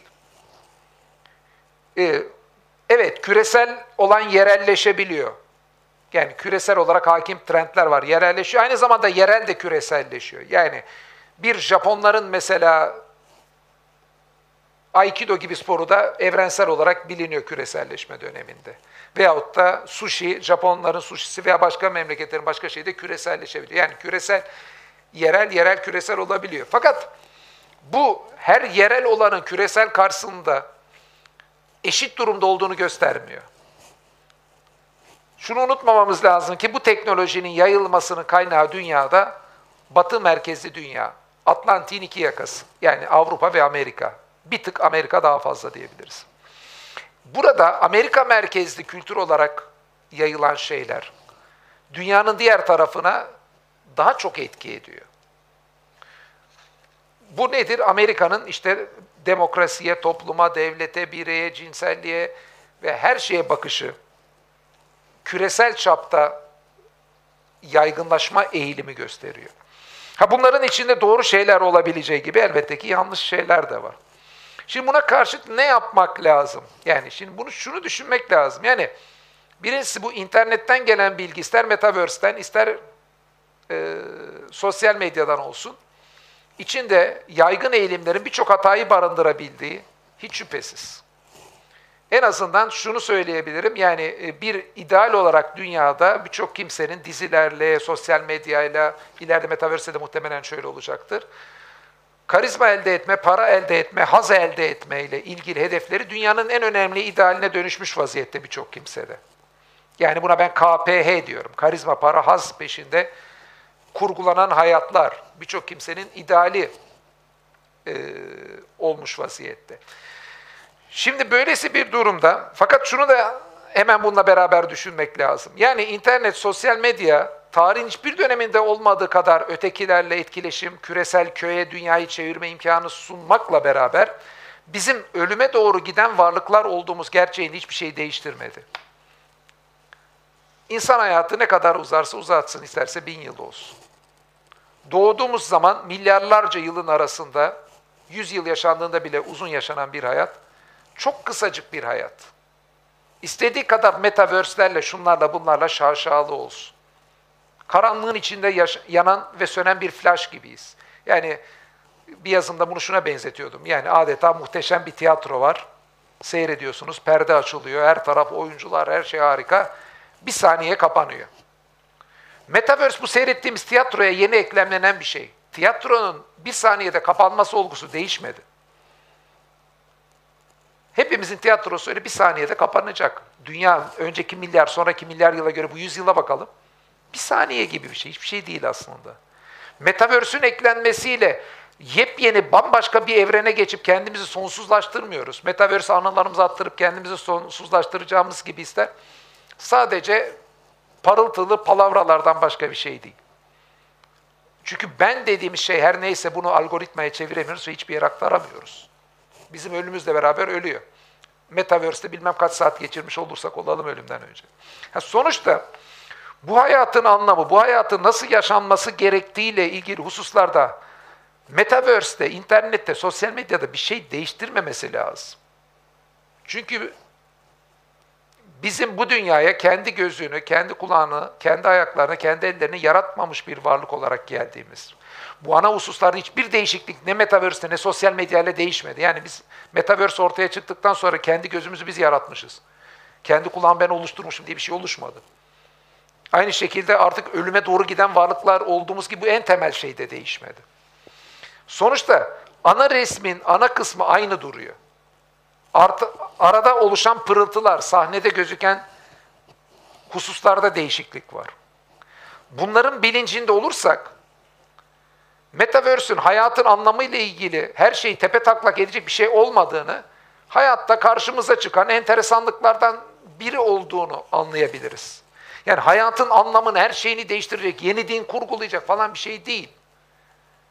Sosyolojik olarak dünyada belki büyük bir değişime sebebiyet verecek ama her birimizin hayatını nasıl yönlendirmemizle ilgili soruya bence hiçbir yeni cevap vermeyecek bir husus e, metaverse'lerde, sosyal medyada, e, diğerleri de.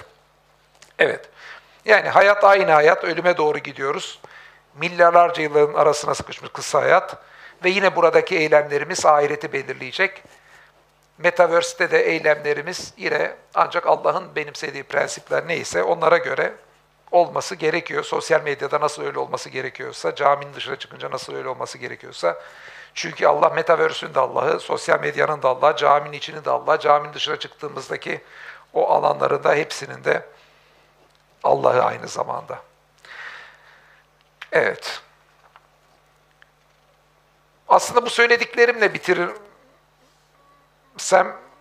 iyi olur ama bir iki şey not almışım onu söyleyeyim. Bu söylediklerim asıl en son önemli söylemek istediklerimi söyledim. Yani Metaverse ana bir şey değiştirmez. Bana göre söyleyeceğim en önemli şey bu. Fakat insan insan arası iletişimi azaltmasıyla ilgili bir şeyler de yine söyleyeyim. Şimdi modern çalışmalarda gözüktüğü gibi psikologların, psikiyatrların da çalışmalarında biz anlamlı ilişkilere muhtacız. İnsanlar, bireyler, bireylerle yapacağı anlamlı ilişkilere muhtaç.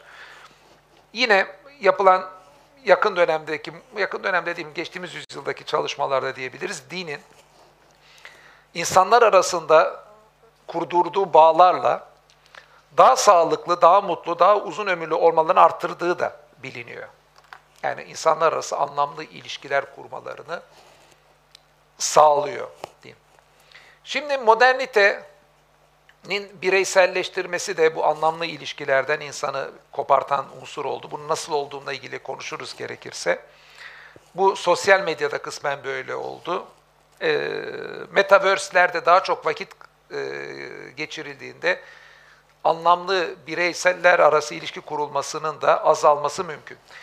Yani şöyle diyelim, yani insanların daha çok muhtaç olduğu insanlarla yüz yüze etkileşimin olduğu, daha sıcak ilişkinin olduğu e, birliktelikler. Şimdi sizin sosyal medyadan herhangi bir şekilde kurduğunuz ilişki de, ileride Metaverse'de kuracağınız ilişki de bunun yerini tutmuyor. Bu anlamlı ilişkiyi buralarda oluşturmak pek mümkün değil. Fakat bu ilişki tarzı her zaman kötü mü? Değil aslında. Niye kötü değil? Çünkü yani herhangi bir ilişki de ilişkisizlikten iyi. Mesela diyorum çok e, asosyal olup hiçbir insanla iletişim kuramayan biri için aslında sosyal medyada kuracağı ilişkiler onun için bir yani psikolojik sağlığına katkıda bulabilir. Veya özürlü birisi diyelim ki özürleri de bence tabii ki toplumda halkın arasına karışması lazım ama diyelim ki karışamıyor.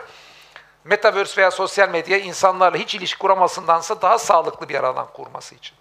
Veyahut da biz ilkokul, ortaokul birçok arkadaşımızla ilişkimiz tamamen kopacakken en azından sıradan bir ilişki de olsa devam ettirmesini sağlıyor bu farkı. Yani bu açıdan sosyal medya, metaverse iyi kullanılırsa aslında ilişki arttırıcı, insanlarla insanlar açısından sağlıklı bir durum olan ilişki arttırıcı bir unsur da olabilir.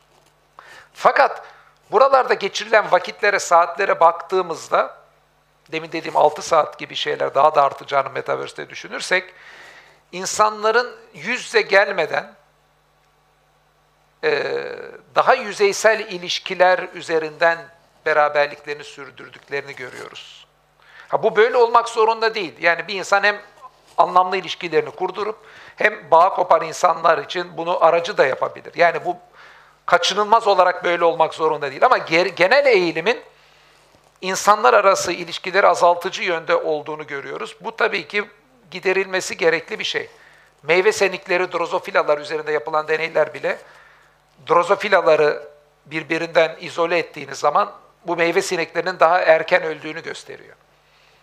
Yani biyolojik bir canlı olarak da insan e, psikolojik sağlığı kadar hatta bedensel sağlığına da yansıyan bir şekilde anlamlı ilişkiler kurmak zorunda. Ee, ve insan bedenini de belli bir şekilde hareket ettirmek zorunda. Bedenimiz, kaslarımız da belli şekilde harekete muhtaç. Yani yüz yüze karşılıklı gelip aynı takımın üyeleri olup da futbol oynamakla, beraber dağa tırmanmakla, sosyal medyada işte bir bilgisayar oyununun içinde futbol oynamak işte kaslar aynı şekilde çalıştırmıyor. Dağa beraber tırmanmak o insanlarla öyle anlamlı ilişkiyi beraber kurdurmuyor. Bu e, da yani bir yerde dikkat etmemiz gereken hususlardan birisi. Yani sosyal medyayla ilişkimiz arttıkça insanlarla anlamlı ilişkimizi azaltmamak zorundayız. Çünkü bunun böyle bir tehlikesi var. E, bir şeye daha dikkat çekin. Metaverse'ü dinler adına nasıl kullanabilir? Metaverse işte tek bir dinin yayılması için bir şey olabilir mi? Gibi sorular var. Bu bana göre tamamen atmasyon bir şey. Metaverse'ü kuranların bir dini varsa o da para benim gördüğüm kadarıyla. Dünyadaki birçok ticari müessesede olduğu gibi hiç öyle. Ben Metaverse bilmem ne dini yapayım da milleti benim tarikatımın parçası yapayım falan gibi bir şey tahminim yok. Olsa da başka Metaverse'e geçersiniz. Tek bir Metaverse yok. Diyelim ki Scientology gibi tarikat bir Metaverse yapıp böyle bir şey yaptı. Böyle bir manyak tarikat olabilir. Dünyada var zaten Scientology gibi böyle manyaklar. Ama onun da çözümü çok basit. Birçok metaverse var. Başkasına geçer insan. Yani orada o tarz bir mantıkla insanları orada tutmaları mümkün değil. Yani, yani metaverse dini kurulacak yok, yapay zeka bilmem ne dini kuracak yok edecek şeklinde bazı e, muhabbetim de olan arkadaşların atmasyonlarından başka bir şey değil. Peki metaverse'ün dinler açısından nasıl değerlendirilmesi? Şimdi metaverse'de insanlar çok vakit geçireceği belli. Sosyal medyada çok vakit geçirildiği gibi. Şimdi sonunda biz ne yaptık sosyal medyada hepimiz?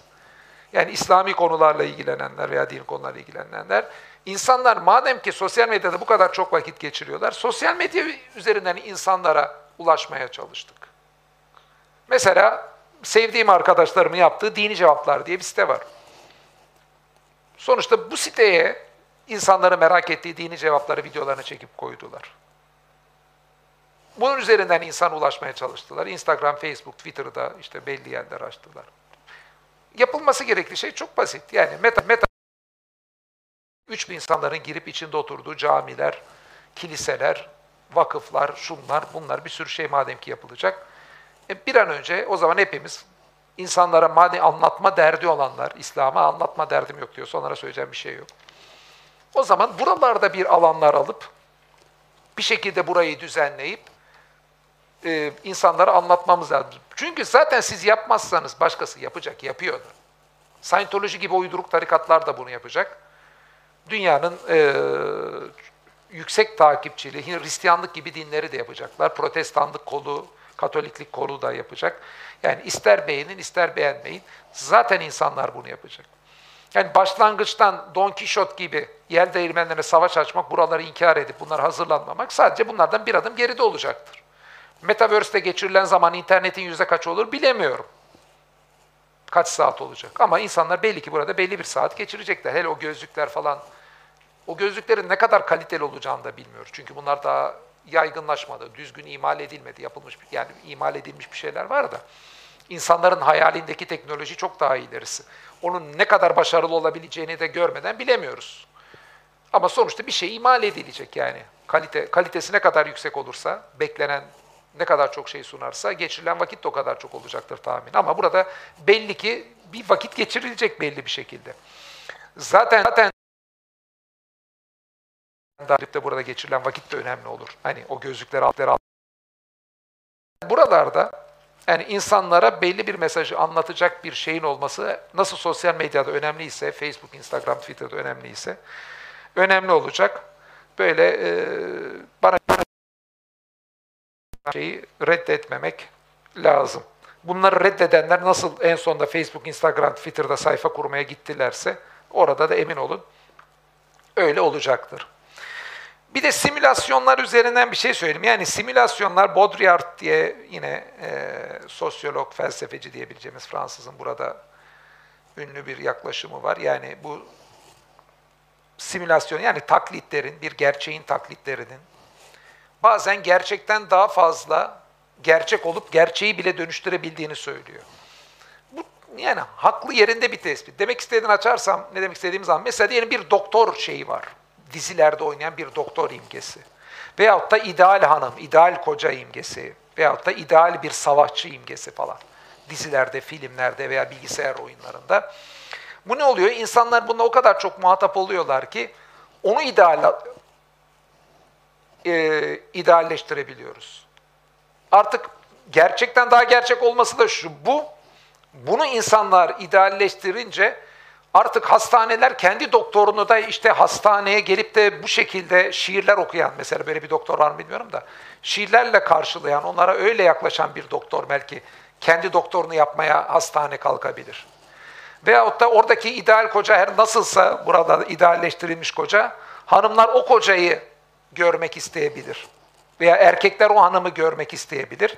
E belki birçok kimse avucunu yaladığında doğru olup olmadığını farkına varabilir. Ama sonuçta bu sosyal medyada veyahut da e, metaverse'te oluşan e, simülasyonlar, gerçeğin kopyaları bazen gerçek gibi iş görür. Ne olur? İnsanlar onları bir ideal tip yapar, onları karşı tarafta arar, onlara benzemeye çalıştıkça e, e, bunların gerçeği yani gerçeği dönüştürme gücü olan bir simülasyona dönüşebilir. Ha bu iyidir, kötüdür, sağlıklıdır, değildir. İnsanlara gereksiz umutlar verir vermez o da ayrıca tartışılabilir. Ama bunu şunun için söyledim. Yani bir şeyin simülasyon olması, gerçeğin kopyası olması gerçek hayatta etkisi olmadığı anlamına gelmiyor. Gerçek anlamda etkisi var. Zaten şunu da görüyorsunuz yani. Metaverse'ün sanal aleminde yüz milyarlarca dolar dönüyor. O dolarların hepsini siz yarın öbürsü gün zarar edip de kar ettiğinde diyelim kar ettiğiniz arabaya, villaya, e, seyahate, patatese, elmaya, domatese dönüştürebiliyorsun. Veyahut da dönüştürebildiğiniz şeyleri oraya aktarıp orada kaybedip patatessiz, domatessiz, arabasız, villasız da kalabiliyorsunuz. Yani bu e, bu yüzden bir şey yani simülasyondur, sanal alemdir falan deyip e, küçük görmeyenin bir çünkü reel paraya, reel metaya dönüştürülüyor. Burası çok önemli. İki demin dediğim gibi buradaki imgeler, oluşan hayaller birçok insanın zihninde gerçek gibi etkileme gücü var. O yüzden bunları e, kale ve ciddiye de bir yandan almamız lazım analizlerimizle diyeyim. Evet beklediğimden çok uzadı. Bu kadar uzayacağını tahmin etmiyordum. E, ben burada duruyorum. E, e, soru alıp üçer üçer cevaplamaya çalışacağım. İkinci üçe vakit yeter mi bilmiyorum. Evet hocam, sen seçersen beni seçme zahmetinden kurtarırsın Özgür hocam. Caner hoca bir seç seçme de olmaz. Bir e, e, soru soranlar, e, herkese bir soru sormasını rica ediyorum. Vaktimiz yok ve her isteyen soru sorabilsin diye. İki, kısa soru olmasını. Üç, e, kendi ismini söylemesini de rica ediyorum. Efendim? Sağ olun. Ben şimdi tesettüre girmek istiyorum. Ee, ama tesettürün tam kuralına uygun, tam olarak nedir sizden dinleyemedim, sizden dinlemek istiyorum. Ve tesettüre çocuğumuzu sokma hakkımız var mıdır? Ee, yani tesettürün uygun halini sizden sormak istiyorum ve geçmişi silmem gerekir mi? Birinci. Ne, ne yapınca? Geçmişimi silmem gerekir mi? Çünkü gazetecilik felsefe okuyorum, çok güzel çalışmalarım vardı. Tüm geçmişimi silmem gerekir mi tesettüre girince? Evet, i- üç soru alacağız.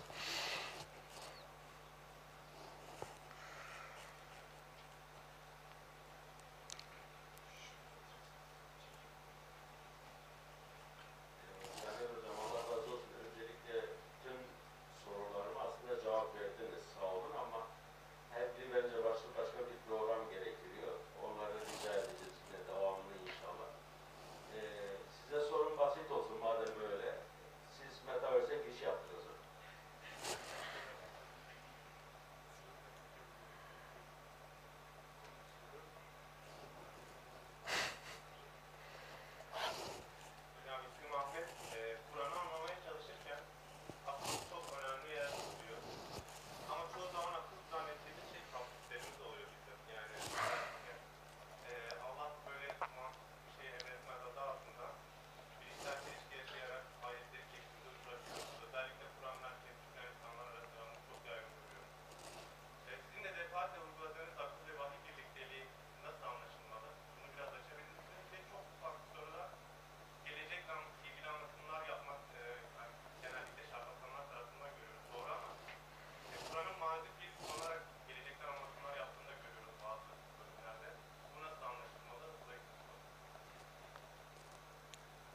Evet, cevaplamaya çalışayım.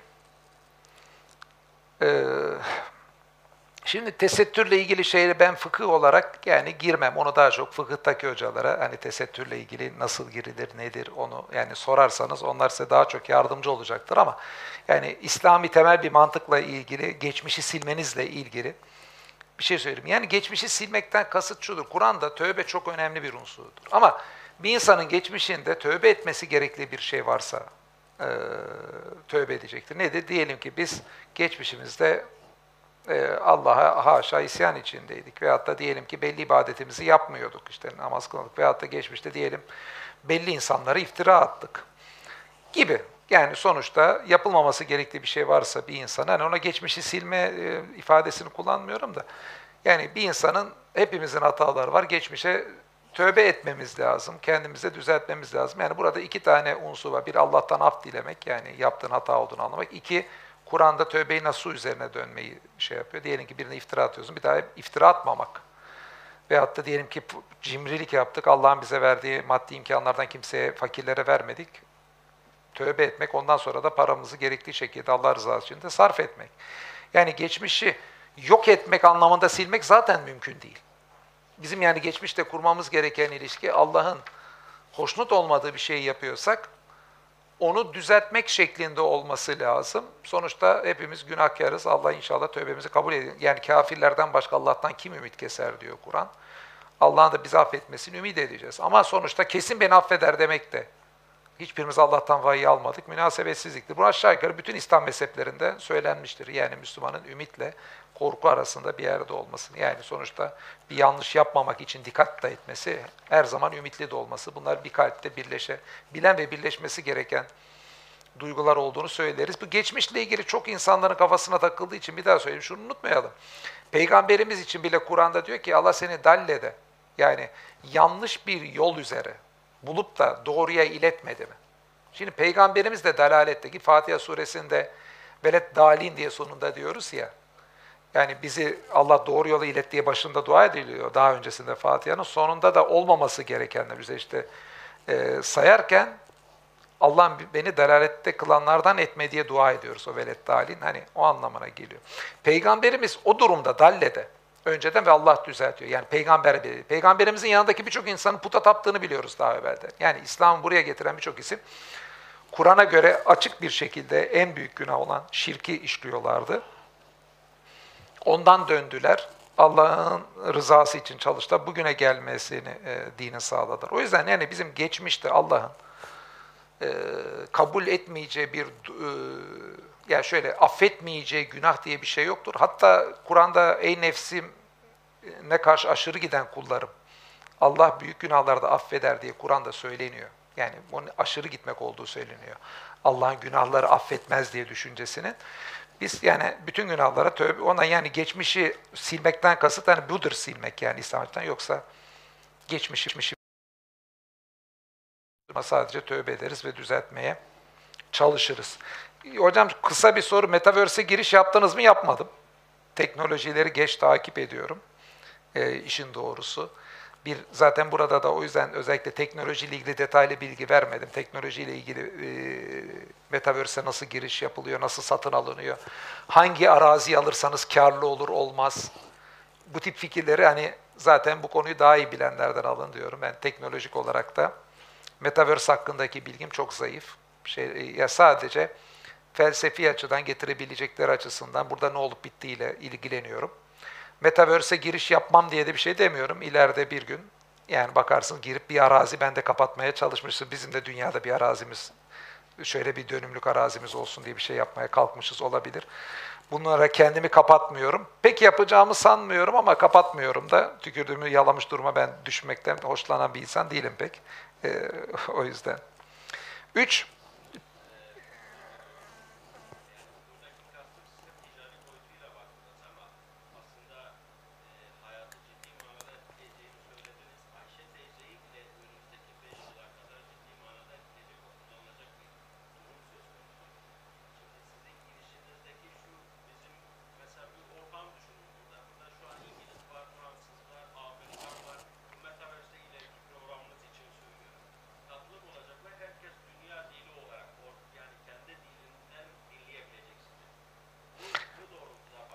Valla şimdi Metaverse'te tabii ki e, arkadaşlarla onu konuşuyoruz, daha da konuşacağız. Yani Metaverse üzerine birine ulaşma imkanı varsa sosyal medyada kurulan hesapların benzerini tabii ki Metaverse'te kurmak isterim, isteriz.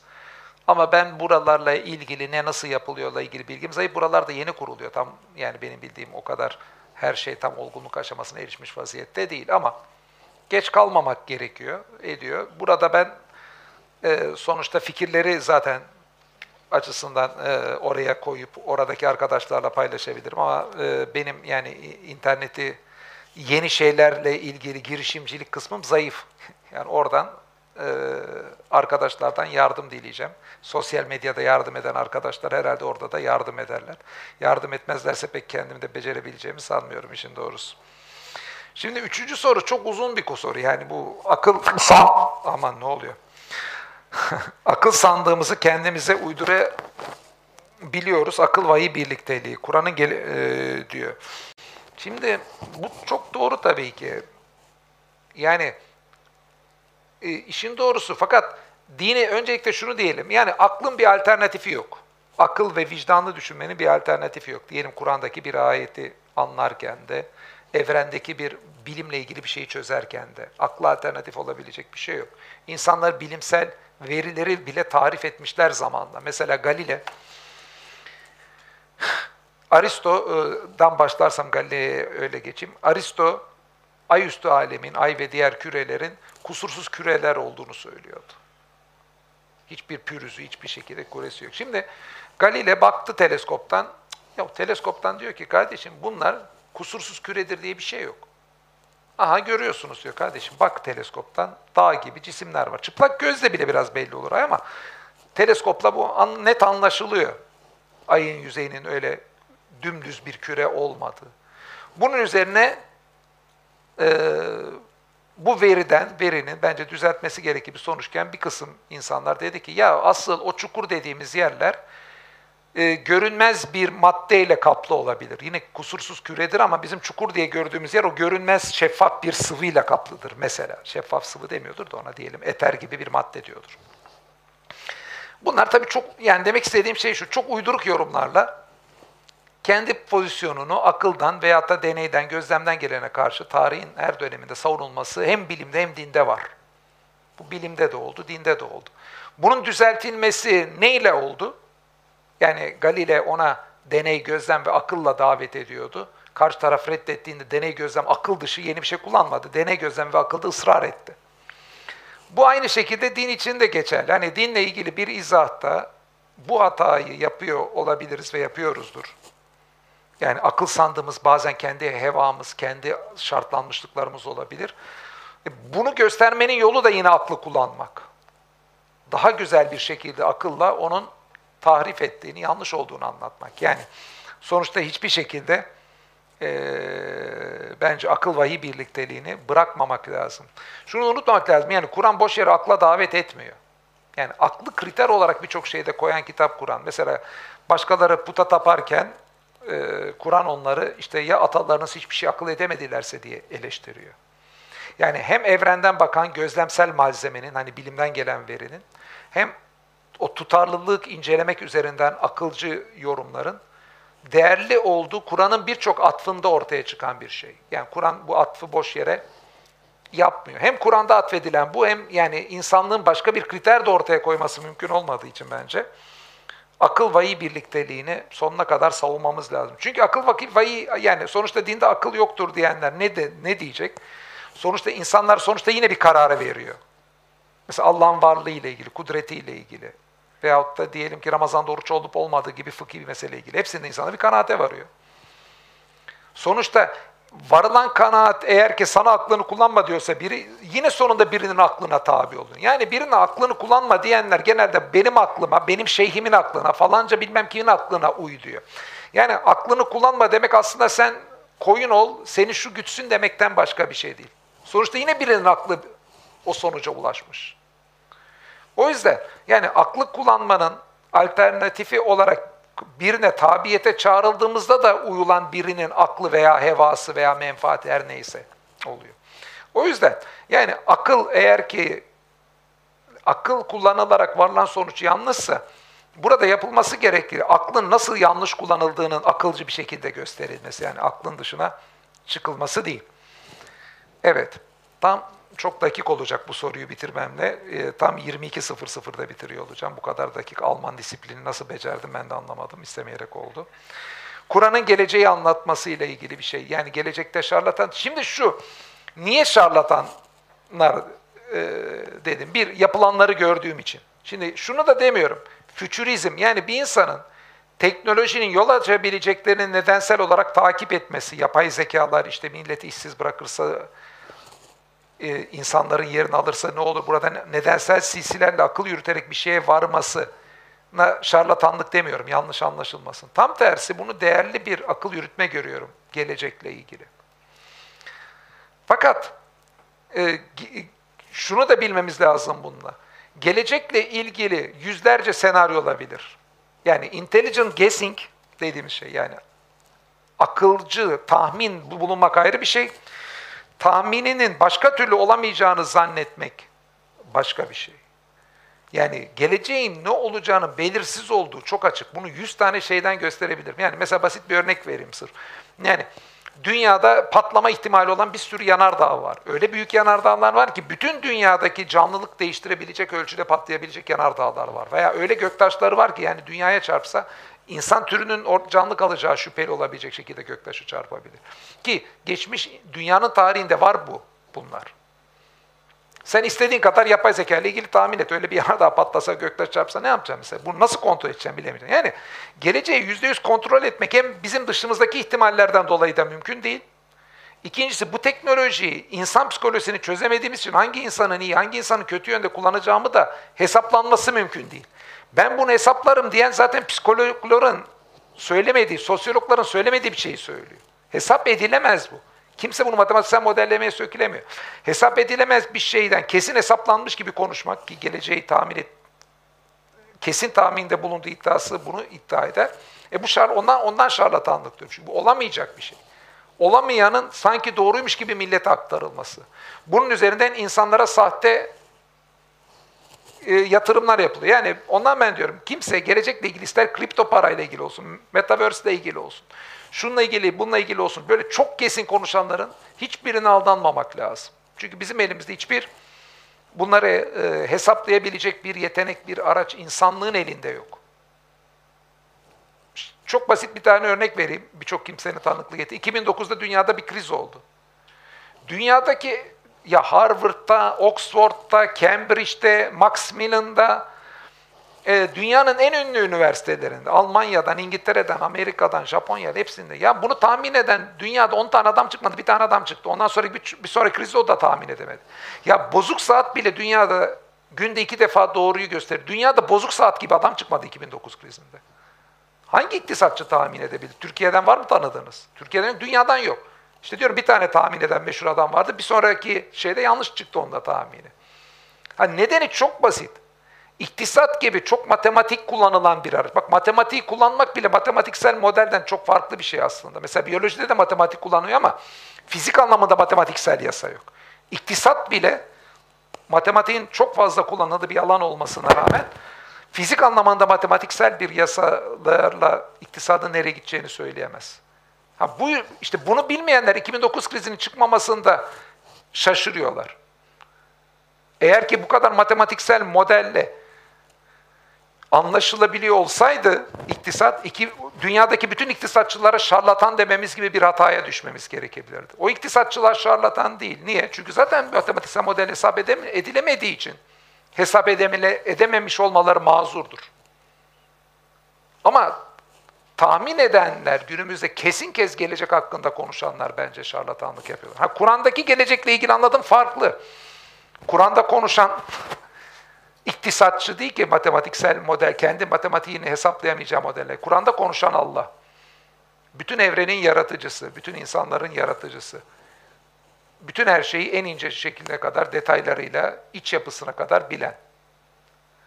Ha, insanlar için hesap etmesi bizim bilgisayar modellememizde yapmamız mümkün olmayan Allah'ın arşındaki bilgisayarında demek ona e, bir benzetmeyle e, caiz midir değil midir bilmiyorum. O yüzden kullanmayayım o deyimi. En azından Allah için mümkün değil. Kur'an'da konuşan Allah olduğu için gelecekle ilgili Allah'ın buyurması e, tabii ki insanlarınkinden ayrı bir kategoriye koymamız e, lazım. Evet, ne güzel. Tam he- hedef ettiğimiz e, iki saatte bitirdik. Üzgünüm arkadaşlar çünkü yukarıda yine kısmen muhabbete devam edebiliriz. E, insanlara daha fazla sıkmayalım. İki saatte bitirme niyetindeyim. Beş dakika geçmiş vaziyetteyim. Evet. Kitap imzalamak, resim çektirmek isteyen varsa yapabiliriz. Muhabbet etmek isteyenler